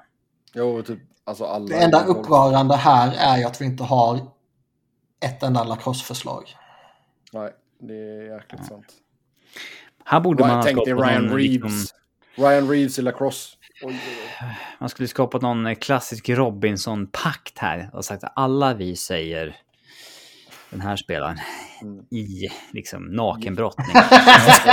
Ja, alltså, Nej, sport, det- liksom. Så att han... Någonting som är lite pinsamt. Mm. Eh, hot dog eating contest. Ja, Phil Kessel hot och eating Ja. contest. exakt. ja. Ja, vi roddar Det- av de sista här lite snabbt bara. Eh, bästa håret. Cody Eakin 8,9 före William Karlsson. Jättekonstigt Cody Eakin 7,9%. vinner den. Och sen 4,8% Erik Karlsson. Alltså Cody Eakin har ju en riktigt ful hockeyfrilla. Ja, jag fattar inte. Jag förstår inte, alltså Cody Eakins frissa står ju ut på ett väldigt Ja, uppenbart sätt. bra. Men jag förstår inte varför de fyra andra eh, vad det är för något speciellt med dem. De har långa, långt hår. Mm. Ja, Erik Karlsson är inte ens långt hår längre. Sitter en lite skallig Niklas och eh, bittert konstaterar. Ja, Speciellt med dem. eh. Ja, han, önskar De att har han, hår. hade, han önskar att han hade Karlssons lockar. nej. Men John Merrill vet ens liksom 4% av ligan vem det är. vet ju hur knappt eh, en tredjedel av den här podden, vem fan det är. Ja. Mm. Visst, han har Sen- varit en depthback i ligan. Jo, Men det är väl talande att eh, 70% säger något annat. Ja, oh ja. Ja, han säger bara någon i laget. Ja. Det är Ja. Kul svar. Eh, bästa spelare att följa på sociala medier, PK Subban 16,3%, Austin Matthews 11,8%, Brad Marchand 6,9%, Jonathan Huberdeau 3,4%. Ehm, sen bästa förebilden, Sidney Crosby 42,7%, Patrice Bergeron 90, eller 90, 9,8%, Conor McDavid 3,2%, Mark-André Fleury 2,1%. De största förebilderna är de med noll personlighet också. Mm. Ja, Fleury har väl lite personlighet. 42% på other. Ja. Eh, sen om du skulle vilja byta plats med någon icke-NHL-atlet, vem skulle det vara för en dag då? Då är det Tom Brady 18,3% i amerikansk fotboll, Tiger Woods golf 10,5%, LeBron James basket 7,5%, Roger Federer tennis 7% och Cristiano Ronaldo fotboll 6,4%. Ja, Other 50%. Deppigt att det är majoritet ganska usla människor de vill vara för att de är bra på en sport. Det måste man säga. Så det var den helt enkelt. Då tar vi och kliver vidare och eh, går in på inför slutspelet. Woho! Och vi börjar i Eastern Conference med President's Trophy vinnande Florida mot Washington Capitals. Ja, Ja, det är, det är ju inte jättevanligt att President's Trophy-vinnarna vinner cupen sen. fast det där är väl lite av en myt. Nej, jag tror det är typ liksom en fjärdedel av dem som har gjort det. Och eh, det kan man ju tycka är eh, få. Jag fick någon stats skickat till mig att det var liksom fortfarande den vanligaste positionen som vinner. Ja, det kan det nog vara. En fjärdedel är väl rimligtvis eh, en stor del. Om det var en fjärdedel, om jag har för mig det. Eh, men det är ju ändå... Är man bäst i grundserien så borde man vara bäst i slutspelet, tycker man ju. Ja, kan skilja liksom fem poäng mellan Ja, ettan och absolut. sjuan. I'm just saying. Men... ehm, nej, det stora för Florida är väl vilken status eh, Aaron Eckblad kommer in i slutspelet med. Han har ju tränat nu med laget och eh, det verkar ju som att han kan bli spelklar till match 1. Ja, det måste ju kännas bra när han är skadad. Alltså, nej. Säga there's a chance he plays in game one. Ja. Då undrar man ju, okej, vad är det för jävla skick ni kommer att skicka ut honom i? Mm. Det är också samma sak med Nej, men så är det Ja, Landeskog som varit borta i två månader, tre månader och så. Jo, men han spelar match ett. Mm. Okej. han spelade inte igår. Nej. All right.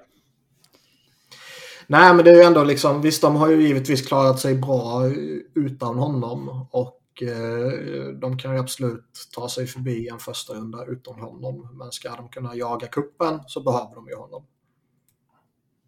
Mm. I, i gott 7-3-0. slag ska väl sägas. De, behöver, Ja, de jo, jo. kan ju inte sätta ut honom med ett ben och bara stå där givetvis. Nej. Men Florida kommer in med 7-3-0 senaste 10. Eh, Medan Washington kommer in med tre raka förluster. De gick 4-4-2 deras sista 10. Det gick bara i sista matchen för Florida. Ehm, Vilka mötte de? Hur gick det? De, eh, har, har ni inte koll på det? De mötte ju Montreal. Två till. Hur gick de ja, just det. Jo, 2-10. den såg jag hela matchen. Ja, Eh, de vilade väl typ hela första femman. Ja. Framförallt så skickade de ju ut Jonas Johansson. Mm. Mm. Första matchen han spelade på 3-4 månader. Mm. Och han har nog gjort sin sista match i NHL, kan vi nog slå fast. Det, ja, men alltså han har ju inte... Det kan inte vara någon som ger honom ett nytt NHL-kontrakt. Nej, hem till Europa. Det- Han, håll, han håller inte. Nej. Liksom. Det, taskigt att hålla honom i mål, i tio mål också, för att han inte... Ja, Han fick eh, NHL-lön för en dag eller två. Det får han vara nöjd med. Ja. Mm. Men det här säger också vilken jävla sport hockey är. När liksom laget som kommer... Kom någon sist eller Mm. tror jag, 32. Mm. Ja, vinner. För- För först, 10. Ja.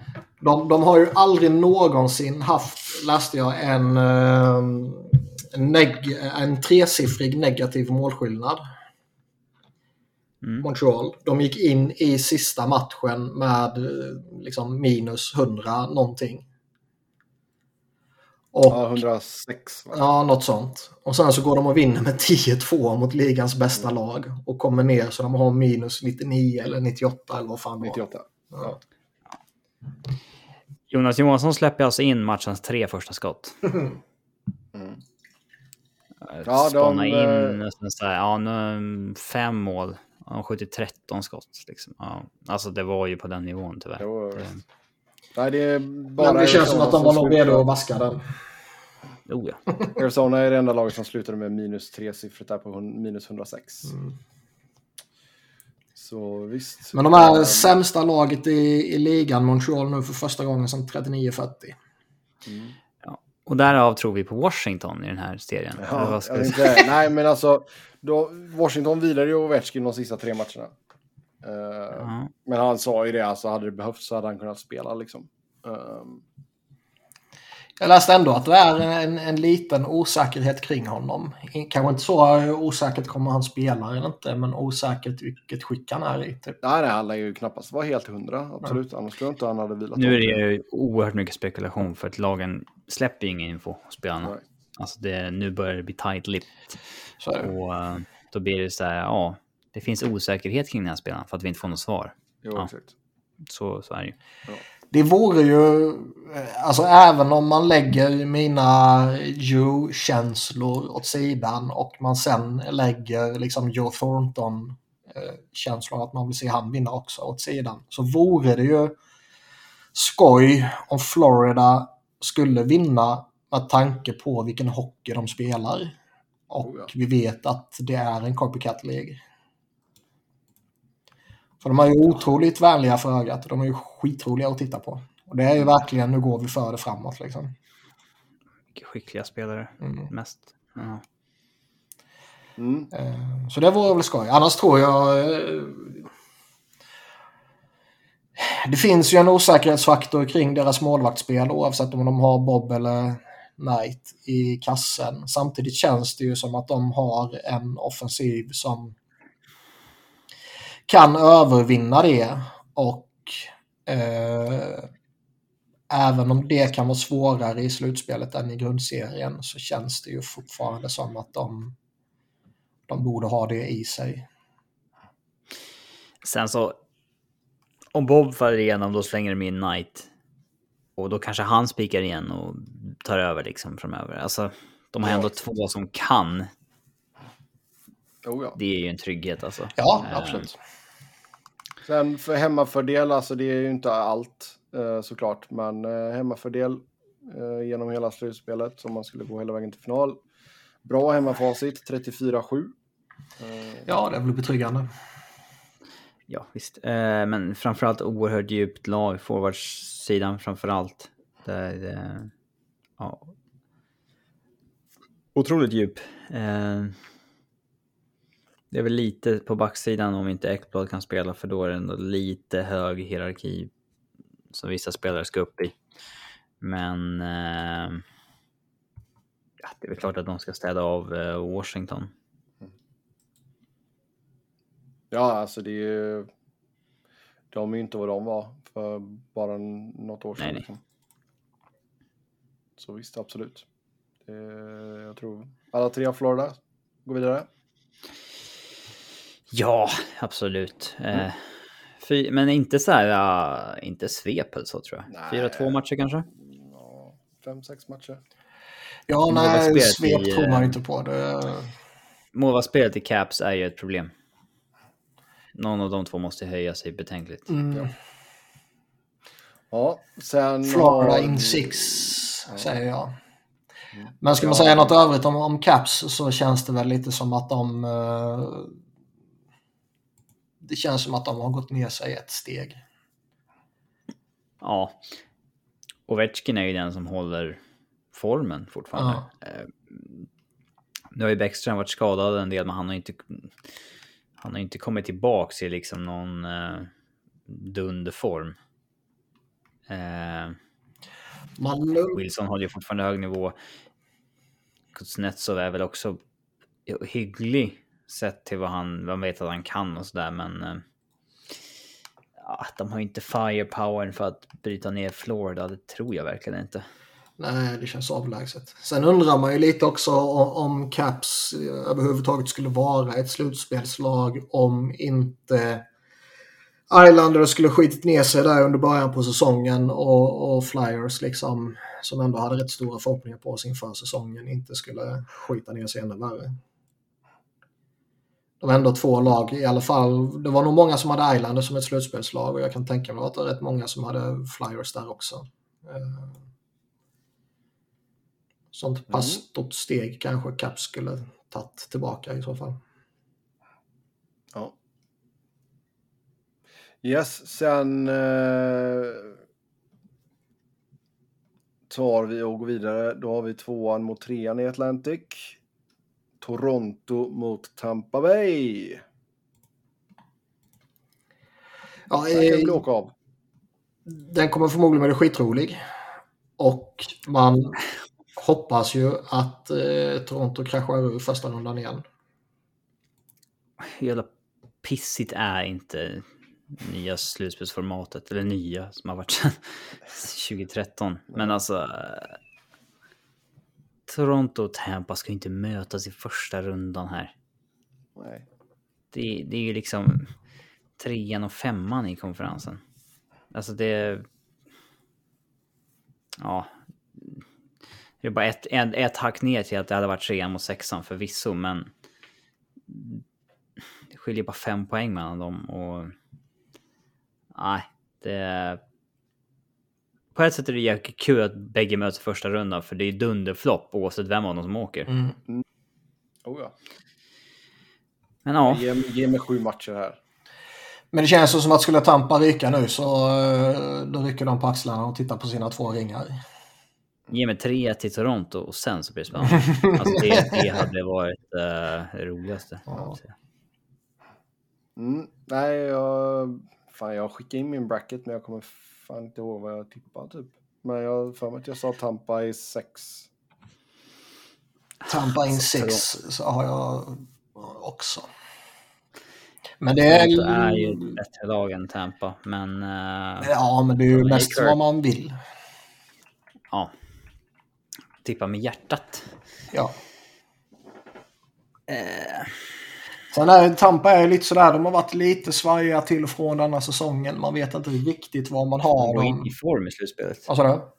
De går in i form, alltså med form i slutspelet. Mm. Det har varit bra som fan på slutet. Och jag tror ändå att de fan är det där ju lite slentrianmässiga man slänger ur sig ibland. Att liksom bara man tar sig till slutspelet. Ja. Jag tror Tampa är definitivt det är en faktor för dem. Mm. Fick upp mitt bracket här. Ja, men samtidigt, eh, de är inte riktigt vad de var. De har inte samma bredd längre. Även om de har gjort ett fine jobb med att bygga en ny bredd, eh, men det är inte samma jättebredd som innan. Nej, men den var ju extrem. Det, man, man kan ju inte mäta sig med det de hade tidigare. Då, då kommer ju alla misslyckas. Liksom. Ja, Eh, Så jag, jag, men jag tycker ändå de, de har ändå, alltså fan har man Kutjerov, Stamkos, Point, eh, Hedman, McDonough, Sergachev och Vasilevski och ytterligare någon liksom så. Det är klart att man kan vinna en matchserie mot vilket lag som helst. Sen om man kan göra det fyra gånger om, det är väl kanske inte lika självklart längre. Nej. Ehm, Toronto, eh, det är ju något som sitter i väggarna där. Jo, men tills de motbevisar oss så får vi, kommer vi ju tippa emot dem liksom. Ja, lite så är det ju. Faktiskt. Ehm, Så det är inte kul för dem att gå upp mot Tampa. Alltså, nej, nej, verkligen inte. Nej, alltså fan vi pratade lite om att eh, när Vegas var aktuella och eventuellt ta sista villkortsplatsen i, i väst att uff, de vill man inte möta i en första runda. Det är verkligen samma sak för Toronto. Här kommer två i Atlantic och så får man gå upp mot jävla Tampa liksom. Ja, sen har vi ettan i Metro. Carolina Hurricanes går upp mot uh, wildcard-laget nummer ett, Boston Bruins. För eh, tredje gången nu på kort tid. De har ju lite problem kring Fredrik Andersen. Mm, kommer inte spela match ett i alla fall. Och eh, jag vet Emil har varit lite eh, skeptisk den senaste tiden. Att de har varit lite sådär halv, halvdan form och fan har de verkligen det i sig i slutspelet. Ehm, Halvdan form, kommer in med sex raka segrar. ja, nej, det här var väl lite tidigare, ja, givetvis. Ja, 8-2-0 senaste 10. Men eh, jag tror på dem. Eh, det är ett väldigt solitt lag på alla sätt och vis. Sen är det väl rimligtvis så att de behöver få tillbaka Fredrik Andersen. Eh, Alltså du känner väl lite större trygghet i Andersen än Ranta, men jag menar båda har ju gjort det bra. Fast båda är ju inga elitmålvakter egentligen heller. nej, men jag har nog ändå lite högre förtroende för Andersen. I alla fall denna säsongen. Mm, nästa de säsong vann- kanske det I är- alla fall för hans hälsa. Vad sa du? I alla fall förtroende för att hans hälsa är bättre än. Ja, de vann ju Jennings Trophy minsta antal insläppta mål under grundserien. Eh, Det var första gången två målvakter som hade skrivit på för eh, ett lag gör det under sin första säsong. Tillsammans. Ja, det är också en jävla hittepå trophy. Mm. Eh, Ja, Carolina är sex här. Har du Carolina 6? Nej, ja, Carolina vinner serien mot Boston på sex matcher. Jag tippade aldrig den förra. Jag säger Toronto i sju. Har du inte skickat in ditt bracket än? Nej, Bracketchallenge.nhl.com Mm, nej, det är lugnt. kan vi... Nej, det är lugnt. Men vad, ska jag göra det? Nej, jag tänkte inte på det heller. Sen eh, har vi då tvåan. Sebbe som gör här jippon. Boston... Eh, får ju pumpa upp grejerna som vi har på hemsidan. Liksom. Kom igen nu. äh,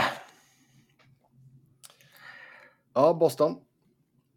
Boston tycker jag är lite sådär småintressanta ändå. Får de ett målvaktsspel så kan de fan bli en obehaglig överraskning för vilket lag som helst.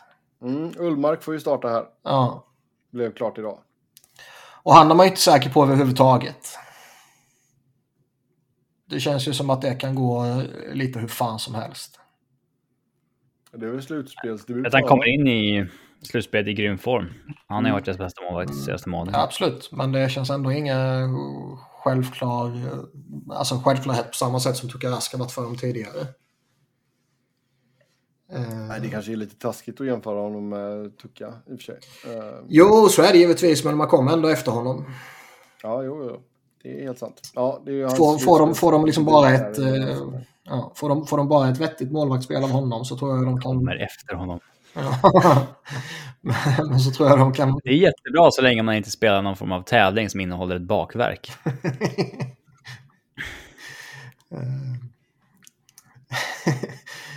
Nej, alltså, sen, jag menar, Swayman har ju varit solid också, så jag menar, skulle det vara så att uh, Ullmark fallerar så får han hoppa in där. Och, Jo, så kan det vara, men eh, så plötsligt håller man kvar i Ullbark i eh, en eller två matcher för länge och sen är matchserien mer eller mindre död redan. Liksom. Eh, Men får de bara det så har de ju ett, ett sånt här tungt lagbygge fortfarande som eh, kan liksom nöta ner dig. Eh, De har ju hittat lite när de, eh, när de splittar på the perfection line. Så har de ändå... Sätter bara Pasternak i andra kedjan med Hall. Ja, de har ändå liksom hittat en, eh, en väg framåt där utan att bli så jävla topptunga som de har varit lite tidigare. Eh, Kan man sprida ut det under stora delar av matchen och sen i nyckelsituationer slänga ihop den supertoppade kedjan så eh, tror jag ju det är en fördel. Mm. Och få in Hampus Lindholm är ju en jätteförstärkning för dem här. Ja, alltså det är ju... Han och McAvoy, det är ju snusk, snuskigt bra första gången. Det är väl mer bakom där som det kanske är lite mer osäkerhet. Jo, Men de får spela 30 minuter på match helt enkelt. Ja, det kan väl till och med bli mer än så. Ja, sen har vi tvåan i Metro. Jag har i alla fall. Hurricanes in six. Ja, bra. Samma som jag då. Jag säger Boston. I Six. tvåan då i Metro. Någon vågar ta någon svep någonstans eller? Tveksamt. Ehm, Rangers mot Pittsburgh. Två mot trean där i Metro. Det även om det inte är jättemånga poäng som skiljer dem åt så känns det ju som att Rangers har ett övertag. Ja, men det är för att Rangers är på uppgång och Pens på nedgång Ja. på något sätt. Um, Sen det fort... vilka var det som svepte Pittsburgh i fjol? Det var väl Islanders väl? Ah. Visst var det Eller var det för ytterligare ett år sedan kanske? Jag vet inte. Men de blev svepta någon gång. Det finns väl en viss desperation att det inte ska hända igen i alla fall. Uh, ska vi se. Pittsburgh förlorade med 4-2 i matcher mot Islanders förra säsongen. Ja, det var det året innan dess kanske. I bubblan de blev svepta. Året innan då eh, gick det så att Pittsburgh förlorade med 3-1 i matcher mot Montreal i qualifying round. Just det. Då kanske det var ytterligare ett år tidigare. Vad fan, de, Eh. de blev ju svepta här med året. Du måste kolla fel. 2019 så förlorade Pittsburgh med 4-0 i matcher mot Islanders. Ja. Fan, hela 2019. Ja, Time isn't real under pandemin. Ja. Man börjar bli så här... När man tror att något var härom alltså i fjol, när det är tre, fyra år sedan, då behöver man Ja, visst. någon Nej, ålder alltså, som inte det var är... Det, just 2019 var ju lite intressant med tanke på att då sveper ju Islanders sveper Pittsburgh 4-0. Sen blev Mm. Islanders svepta av Carolina med 4-0 och sen blev Carolina svepta av Boston med 4-0. Jag kommer ihåg. Det var, det var ju samma år som Columbus eh, svepte Tampa med 4-0. Ja, det var ju, det var ju stora weird-slutspelet liksom. Där det var upsets hela tiden. Mm. Men jag har ju sagt tidigare, eller vid något tillfälle, att eh, ibland tittar man på Rangers roster och så tycker man att fan, den är inget speciellt alltså. Mm. Visst, de har några toppar i Panarin och Fox och Zibanejad och så här. eh, Och sen lite solida spelare bakom den. Sen utfyllnaden där bara... De finns bara där, typ. Men de har ju förbättrat den lite nu. Ja, de har förbättrat den lite. De har ett jävla målvaktsspel. De har en mycket kompetent coach. Och som sagt, deras stjärnor driver laget liksom. Mm. Det räcker. Sen har de inte köpt sig någon lång prime här direkt. Nej. Det får man ju se. Mm. Men... Och de inte får en jävla utveckling på Lafreniere och Capocacco, men det ser inte riktigt ut så. Nej, verkligen inte. Sen har de fått en orimlig jävla säsong av Chris Kreider också ju. Ja, Ja, Kreider har varit lysande och eh, vad heter han, Andrew Kopp har ju kommit in och passat som handen i handsken också. kolla igenom Andrew Copps Twitter-likes, Sebbe, ifall du vill få en ny favorit. Alltså, Eller icke-favorit. okej. Ska göra det lite snabbt. Lite snabbt, ja. Eh, men, uh, ja, alltså...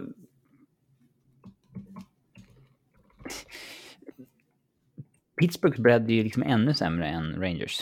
Så är det ju.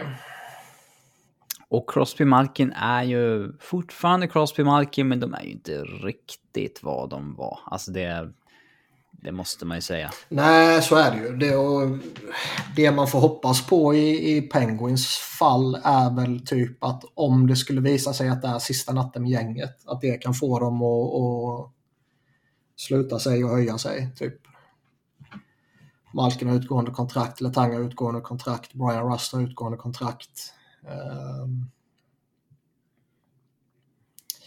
det, det är väl det som man någonstans kan sätta sitt hopp till om man är Pittsburgh-supporter. Mm. Tror jag. Eh, de fick väl någon frågetecken kring Tristan Jarry också. va? Mm, han ser inte ut som han kommer komma till spel i första matchen i alla fall. Mm. Och det är ju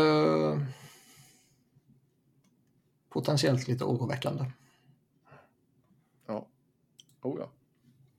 Ja, Annars har de ju, alltså de har ju de har ju okej spelare ändå liksom. Det, och så länge man har Crosby Malkin så vinner man en matchserie så är ju inte det anmärkningsvärt. Nej. Ja, man har svårt att se dem göra det fyra gånger om. Men det är nog ing, eller det är väldigt få lag man skulle reagera liksom i, i en eh, isolerad matchserie om de skulle vinna där. mm. ja Rangers är fem. Satte jag också faktiskt. Ja. Rangers har jag, kanske jag ska säga, sticka ut och säga ett svep här för Rangers. Ja, då kan du göra det. De har inte så trygg målvaktssituation här i Pittsburgh. Där har man ju lågt förtroende alltså. Mm. Vi hoppar över till Western Conference och eh, går först in på Colorado mot Nashville. Colorado Ja. poäng bäst i Western. Nashville in på sista wildcard-platsen. Här blev man ju lite... Det stod ju mellan Nashville och eh, Dallas. Mm. Dallas vinner sin match för att Anaheim tvingas slänga in en eh, e-bug. Som är halvblind. Ja. Dallas lyckas få iväg tre skott på 20 minuter mot honom. I en måste vinna match. Imponerande. Eh, så då hänger det alltså på att Nashville eh, inte får torska mot Arizona. Eh, Nashville behöver vinna mot Arizona för att eh, eh undvika Avs.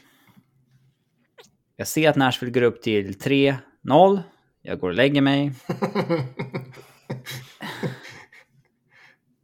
Skriver någon tweet om, ha, nej, det har varit inget spännande. De har ju 3-0 efter 2.50. Går upp till 4-0 Nashville och tappar alltså 4-0 till 4-5 mot Arizona. Alltså... Puh, vilket svaghetstecken. Ja, verkligen.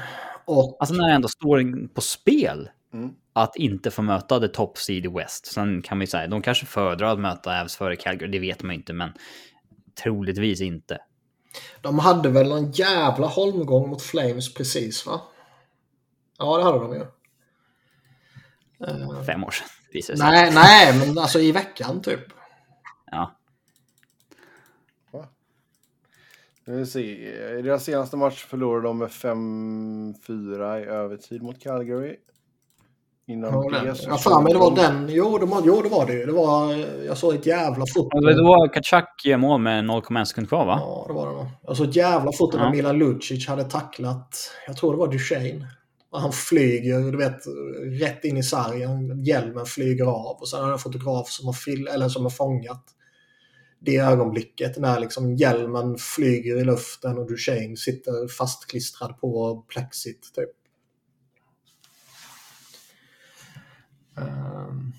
Så de kanske blev skraja i den matchen och föredrog Colorado. Ja, jag tror inte att de vaskar en match med flit. Nej, jag håller med. Men ehm, det, är, nej, det är jävligt anmärkningsvärt givetvis. Det var väl den matchen där David Rittich eh, typ krockar med målburen på något jävla sjukt sätt. Det såg jäkligt bisarrt ut. ja, han vänder sig om för att typ fånga pucken i luften eller någonting och sen kommer han på att oj fan, det är målbur här och typ krockar med den. Mm. Nej, men alltså Nashville är svårare ändå. För jag menar, du har Josie, du har Duchene som kommer från en hela monstergrundserie. Du har Forsberg som kommer från en monstergrundserie. Men allt, allt hopp om en upset dog ju med Jussi Saros skada. Ja, och där är de ju återhållsamma Jo, jo. med information. Men när det sägs att han troligtvis inte spelar match 1, då, då Det- misstänker man att han är borta. Det kom ju någon eh, rapport om en ankle sprain. Och då kan man ju vara borta några veckor. Ja. den är ju jobbig som målvakt också när du ska förflytta man slänga dig. in någon halvfärdig också? Det, det vill man inte göra. Nej, det kan ju nästan bli ännu värre än att sätta in en lite sämre men frisk målvakt. Mm. Men visst, har man honom i en jävla formtopp så, så kan ju han vinna en matchserie. Ja, även om hans enastående säsong är något överdriven. Han var ju grym första 30 matcherna. Så han har varit högst medioker sedan dess faktiskt. Men eh, visst, det finns i honom. Eh, vad är man rädd för här? Alltså, Josi är fenomenal såklart. Men Duchene har haft en bounce back. Jag vet inte om liksom, den skottprocenten håller i sig eh, riktigt de har väl ett hygg, en hygglig forwardsbesättning.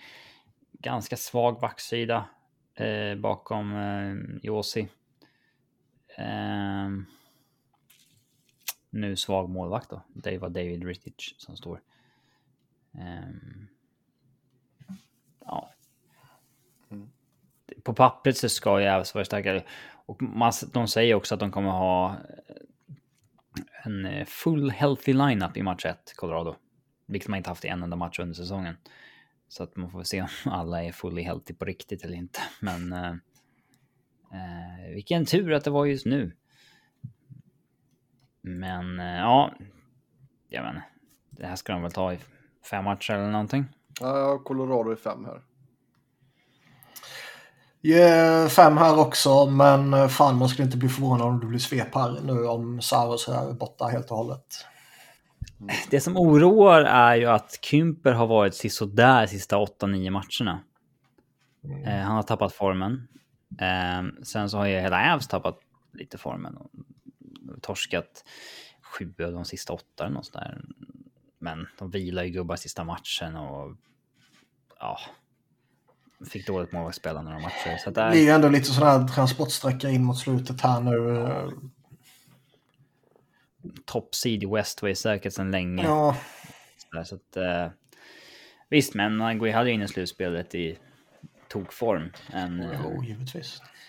men... Mm. eh, nej, Men jag tycker man, man var ju jättefavoriter även om alla är tillgängliga. Och nu när Jussi Saros försvann så... det- är ju jättefiasko om man inte tar sig vidare om han är borta helt och hållet. Ja, det är väl lite... Det är ju inte uppe på Tampa mot Columbus-nivån där när de blev svepta av Columbus. Efter att ha kommit upp, haft 128 poäng under säsongen. Mm.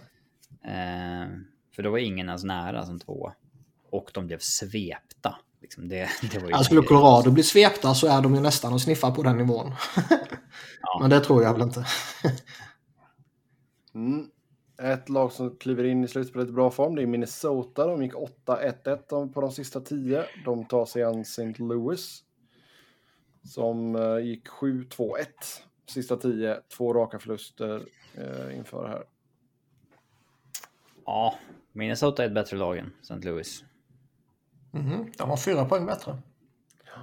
Eh, helt korrekt. Men... Jag kan min matematik. De har seriens bästa spelare. Alltså slutspelsseriens bästa spelare. Mm. Kaprizov, utan tvivel. Ehm, Ja, det är klart att det är fördel Minnesota. Ja, Minnesota är sex här. Men eh, St. Louis kan nog göra det jobbigt för dem i alla fall, det tror jag. Det här är den enda serien där jag tippade sju matcher. Mhm, okej.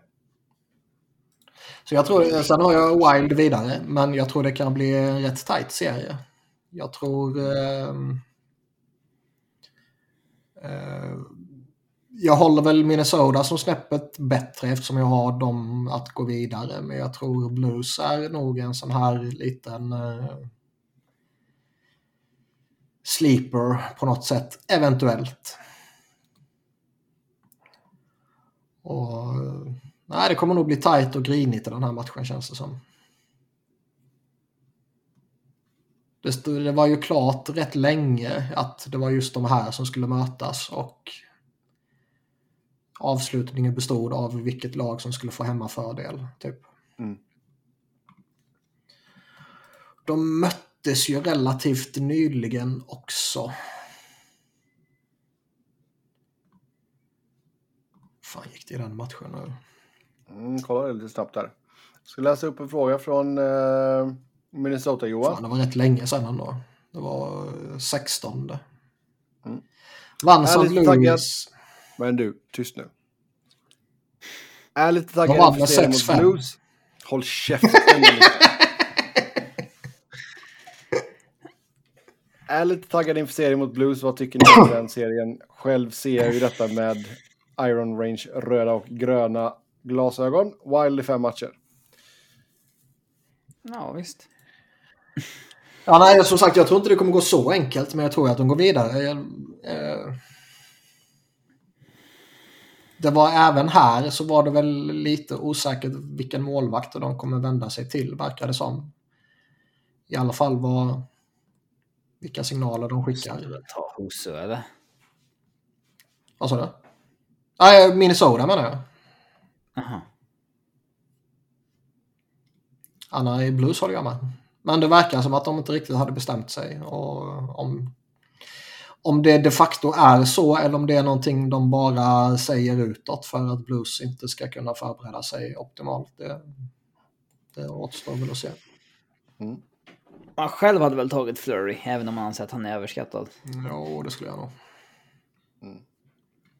Ja. Sen har vi Calgary mot Dallas.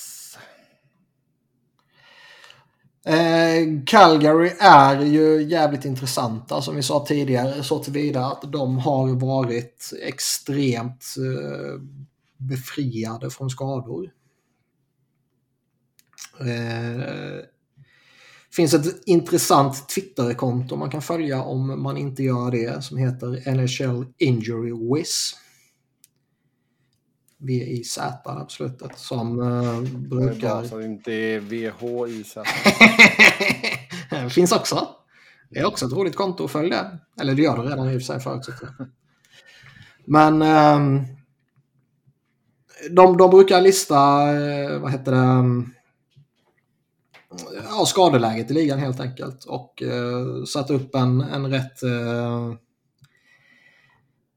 vad säger man, pedagogisk eh, överblick över hur ligan ser ut. Där man ser vilket otroligt eh, gynnsamt läge Calgary har haft hela säsongen. Det är liksom, det är de, San Jose till en början liksom. Eh, Minnesota, Nashville stundtals. Carolina stundtals.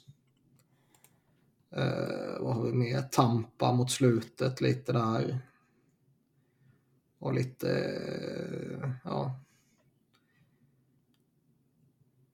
Men liksom det, de, de står verkligen ut något extremt Calgary. Och eh,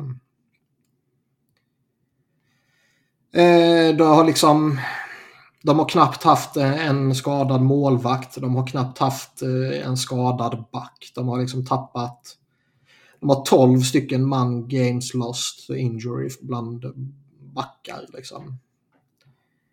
Philadelphia har mest för övrigt. Mm. Och det är bara Dallas som har haft färre forwardskador än Calgary. Eh, så jag menar de har varit extremt gynnsamma och eh, vi kan ju sitta här och eh, berömma Sutter allt vi vill och vi kan snacka upp Markström hur mycket man vill i, i vissa eh, sammanhang givetvis. Men eh, mm.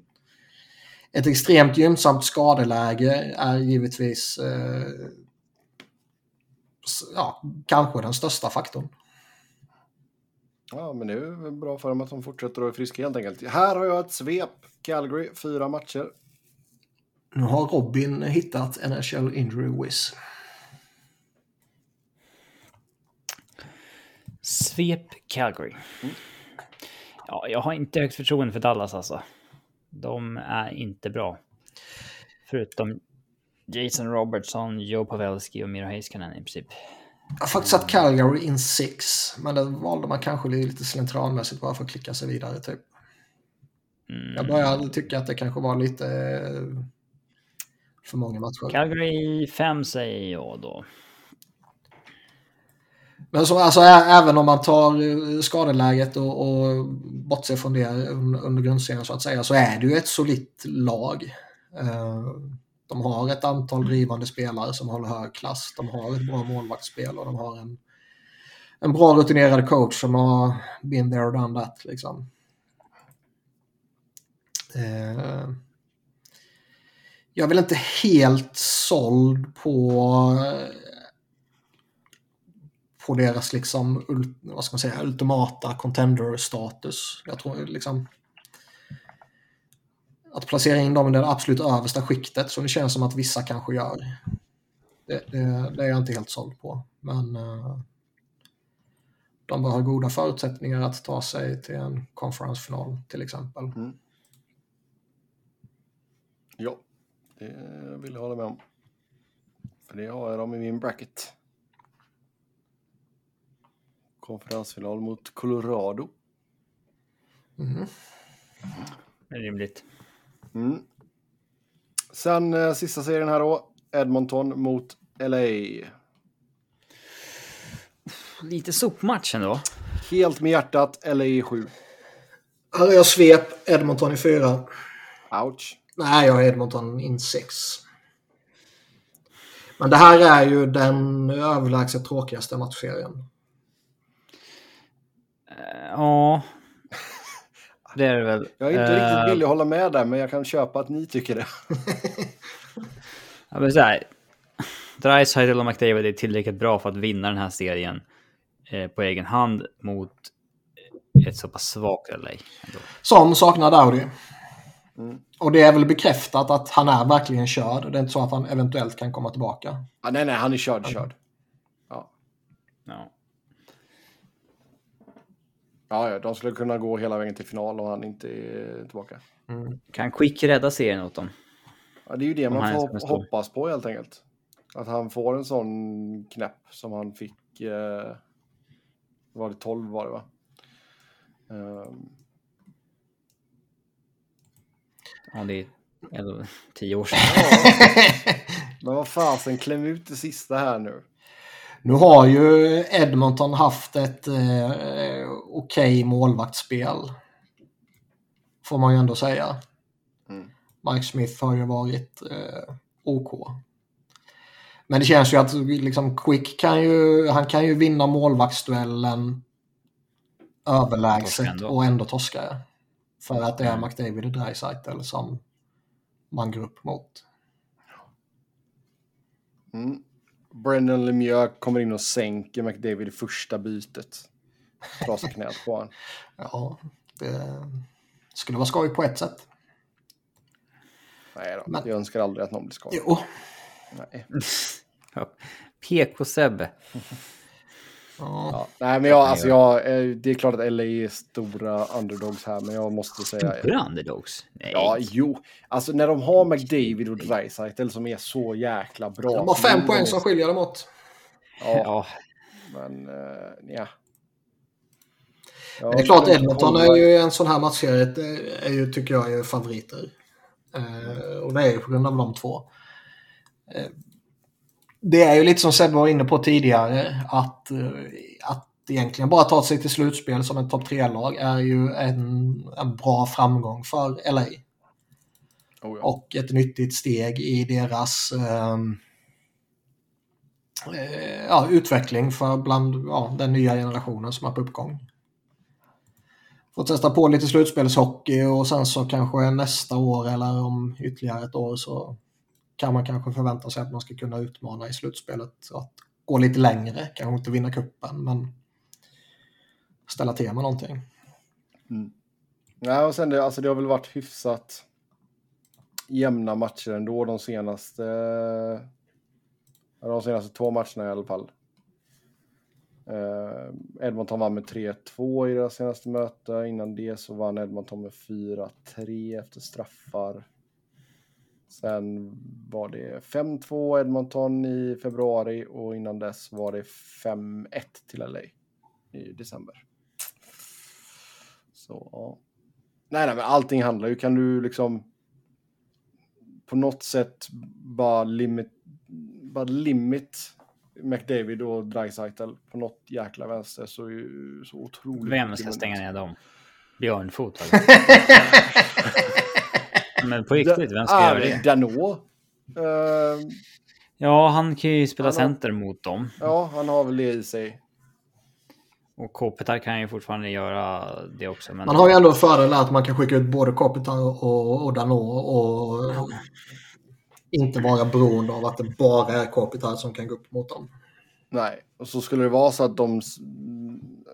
eh, vad heter det?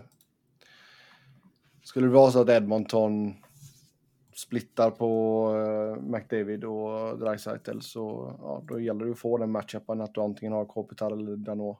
eh. Var det i fjol eller var det i bubblan som McDavid och Dreisaitl snittade typ 7 poäng per match och de ändå torskade? Det kommer jag inte ihåg. Nej, det var, det var i bubblan va? Ja, 7 poäng var ju lite överdrivet men eh, Ja, ja fan. Jag försöker komma ihåg alla de här grejerna hur det har gått de senaste. Eh, Jo, det var nog i bubblan. Conor McDavid 9 Ja. poäng på fyra matcher och så torskade de i det här eh, låtsasrundan. Ja, i play-inen där. Mm. Ja, för de blev svepta förra året. 4-0 i matcher av Ja. Winnipeg. Och sen blev Winnipeg svepta med 4-0 i matcher av Montreal. Mm. Och sen var det slut med svep. Nej, men så jag menar, ä- även om det känns väl som att Edmonton är snäppet bättre nu än vad de var i, i bubblan givetvis. Så... Fan, de är ju långt ifrån en mardrömsmotståndare givetvis. Ja. Och jag tror, jag tror eh, LA har väl det kanske inte i sig, men väldigt många av de andra lagen i Western kan ju mycket väl gå upp mot eh, Edmonton och eh, vinna en jättemålglad serie. Ja, ja. Absolut.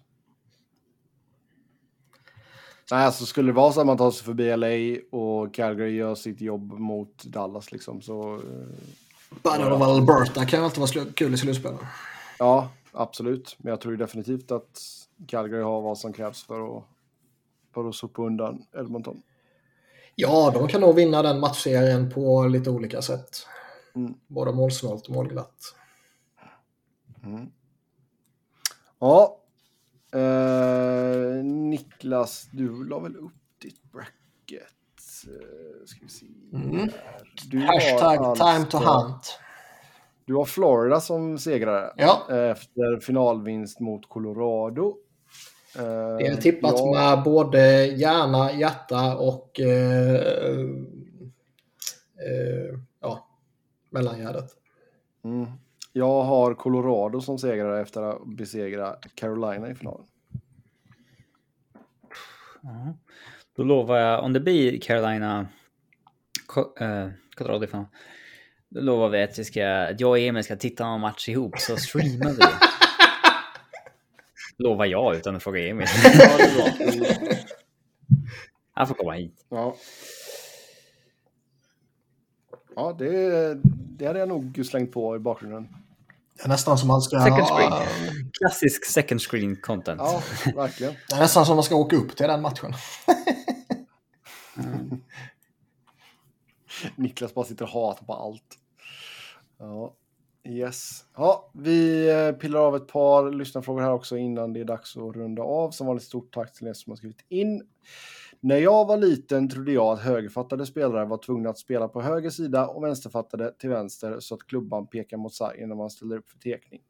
Jag fattade, inte heller absolut, jag fattade heller absolut inte byten utan trodde att man enbart bytte när spelet blåstes av. Hade ni några missuppfattningar eller saker som ni hade helt om bakfoten om hockey, regler eller dylikt när ni var små? Uh, jag minns när jag var liten trodde jag att man förlorade poäng när man torskade match också. det skulle varit eh, en rolig regel i och för sig. Mm, faktiskt. Ja, jag minns någon gång när uh, Djurgården torskade mot Björklöven typ 98 eller något sånt där. Djurgården låg två och Björklöven typ sist eller någonting. Då trodde jag att man... Man bytte plats. Jag, jag, jag trodde att man bytte plats typ om man torskade mot det laget som var under. Mm. Eh, men så var det inte. Nej. Uh, ja, men just det där med bytena hade väl jag också när jag var liten tror jag. Uh, och det kom väl... Så här, jag kan hänga ut min syster. Alltså hon var typ 14 när hon förstod det här med landslag och klubblag. Alltså liksom, så fort det var Premier League på tv och Fredrik Ljungberg typ spelade Arsenal så bara, har han slutat i Sverige? Här, Nej. Tar vi det en gång till. Landslag är en sak. och liksom, ja, bra bit över 10 år gammal i alla fall. Då. Ehm, Min syrra har somnat i Madison Square Garden, men det har jag sagt tidigare. Mm. Det är ingen missuppfattning. Men hur kan man somna när Philadelphia leder med 6-0 mot Rangers i Madison Square Garden och Henke har blivit förnedrad? Jetlag. Simon Gagné hattrick. Och en brölande Niklas bredvid sig. Jag gjorde allting för att de skulle filma henne på jumbotronen, men... Uh, Vad gör man då för att de ska filma? Alltså de går ju runt i arenan med en videokamera och man försöker ju fånga deras uppmärksamhet. De är klassiska amerikanska. Filma mig! Ja, ja. Ja. Du skulle tagit av dig tröjan och börjat och dansa typ. Det var ju, det var väl i Columbus tror jag. Jag tror det var i Columbus. Då var det en herre, modell större, som alltid eh, tog av sig tröjan och skakade på magen. Det har funnits några sådana på lite olika ställen. Ja, jo. Olika idrotter, olika länder. Ja, ja, men klassiska är ju typ så här Newcastle spelar hemmamatch i januari liksom. Mm. Halvmeter snö och det står ändå så sådana här goa gubbar utan tröja på liksom. Och då har vi inte ens nämnt lacrossen. Nej, exakt. Där har vi dedikerade fans alltså. Vad skulle hända om man står på rad 1 i en ölrink och liksom trycker skinkorna mot plexiglaset? Alltså du har ju... Du såg väl vad som hände när Washington vann? Ja, jag tryckte upp tuttarna. Ja. Och det har väl hänt i... det var fan- Hagelin som fastnade för dem va? Nej, det var Burakovsky Burakovsky som var det. drog av ett jävla smile. Jävlar vad nöjd han var då. um, ja, viktigare än att vinna cupen. ja, jag visste han var så extremt nöjd. Um, nej, men det var väl någon i... Fan, det var väl någon i Florida bara under någon sån här vanlig jävla säsongsmatch som också tryckte upp uh, tuttarna mot plexit. Um, det var ju skoj. Det var väl när... Uh, var det när Devils var i final var det va? Mot... Vilka fan var det de var uppe mot? Mot Kings? Ja, var det Kings va? Mm. Det var väl då det typ var en porrstjärna bakom Devils bås. Som Peter de Boer. Eh, hans... Eh, Kände igen. Nej, men han, hans, hans ögon fastnade på eh, hennes byst. Jaha. Var det det? Det kanske kan ha varit när han var med Sharks. Får väl söka på Peter de Boer boobs. ja. Se vad som kommer upp. Ja. Ja, uh, japp. Sen vad har vi mer här? Ja, det var någon som ville säga stort grattis till Niklas och nya jobbet som GM El Paso. Uh, vilket lag står för årets doping med lönetaket i slutspelet? Jag tror inte att något... Jag vet är, det, inte. är det något lag som sticker ut där? Nej. Vegas. Kanske...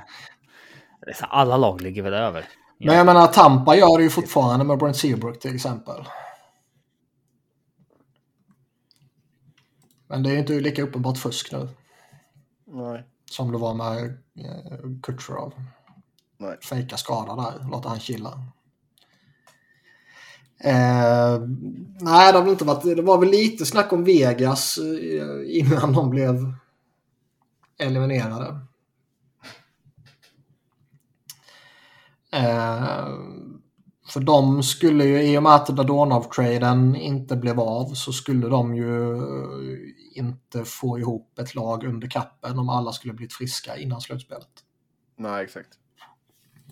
Um... Jag vet inte hur det står till med Avs nu när Landskog är tillbaks från... Men jag är säker i alla fall att man är cap compliant liksom utan att använda LTIR när han var borta. Så att, uh, ja. På tal om uh, det här. Såg ni Pierre Dorians uttalande? Nej. Han sa någonting i stil med att eh, Ottawa kommer spendera till kappen när vi säljer ut 41 hemmamatcher. Okej. Okay. Ja, det är rimligt. Det är rimligt. När var, när var senaste gången de gjorde det? Eh, oklart, men det är ju rimligt i liksom spåren av pandemin och effekterna där och det är en liga som är gate-driven. Men det är fan rätt orimligt att kommunicera ut det så jävla tydligt. Det är ju att reta upp supportrarna lite. Ja, oh ja. Och eh, de har precis, eh, alltså de har ju haft en ägare som har haft för vana att reta upp supportrarna. Eh, och nu verkar ju Pierre Dorian fortsätta i den fotbollen. Men hur många fler hade gått på Ottawas matcher om de hade en arena i Ottawa? Det är alltså, arenafrågan är ju en viktig punkt givetvis. Det är också givetvis så att fler kommer att titta. Arenan ligger ju långt utanför stan för de som inte ja, vet. Det är väl, jag tror det är typ 45 minuter med pendeltåg typ. Ja, det är som Glendale då. Uh, ja. ja. Mm. Och jag menar, det, det är ju en faktor absolut. Eh, att de inte har varit relevanta är ju också en faktor såklart. Skulle det vara ett, eh, en bra produkt på isen så skulle det ju varit eh, mer framträdande såklart. Det är ju rätt många år nu utan ett slutspelsframträdande liksom. Mm. Så det är rimligt att man behöver intäkterna för att kunna spendera till kappen. Men jag tycker fan det är eh, lite snudd på osmakligt att säga det rakt ut sådär. Det är lite plumpt. Mm. Ja, eh, vi har fått in en lite rolig fråga här för, om uh, lagens klubbmärke genom historien, men det känns nästan som att den får vi nog spara till sommaren faktiskt. Uh, Säga vilket som var snyggast?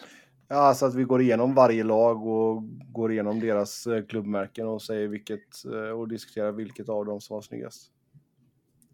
Av deras gamla? Så att säga. Ja, vad de har haft genom tiderna, ja. Är det ett ämne som passar en podcast? Det hade nästan varit bättre i videoformat tror jag. Ja, när man kan visa de olika genom åren. Mm. Uh...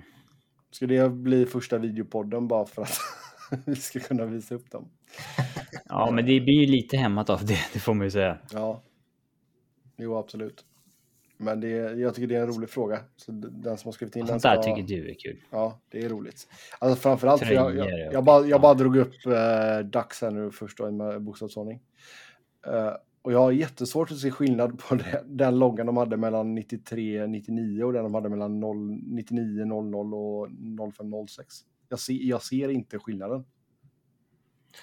Nej, men sådana där skillnader kan vara att ibland byter man en liten, liten, liten nyans på grått inslag i loggan typ. Jo, men typ alltså. Det måste ju vara något sånt. Det kan ju vara vissa sådana här grejer man behöver modernisera. Man behöver liksom eh, anpassa färgschemat till en modern eh, kontext och sådana där saker. Ja. Men det jag kan säga det är att bara för en försmak på det hela då. Så Anaheims logga då från eh, den lila loggan 9900 till 0506 innan de bytte. Ja, då var det fortfarande liksom den här kalanka masken liksom. Med var det på den här Ice the Pix eller? Riktigt snygg. Uh, sportlogos.net. Här, jag skickar länk. Uh, ska vi se. Uh, fan har vi den? Det här blir ju då grejen sen. När, när vi ska diskutera ja, klubbmärken. Exakt, exakt. Menar du den? Nej, den här. Mm. man, får bara säga, man får ju säga åren helt enkelt. Men sportlogos.net. Så får vi folk följa med helt enkelt. Ja, men ska då alla som lyssnar följa med och ja. googla upp vilka märken vi snackar? Nej, Lite så. nej det här gör vi inte. Det gör vi inte. Jo, Men jag tycker den dagslag innan de bytte det bara står dags, det blir skittråkig. Jag tycker, jag tycker inte professionella eh, liksom, idrottsföreningar eller vad man ska säga. Man kan inte bara ha liksom, ord i sin logga. Nej. Som typ Dax här eller HV71. Tidernas fulaste jävla logga liksom. Capitals har något liknande. Det, det, det är väl en sak om det bara är någon uh, vilken random förening som helst i liksom uh,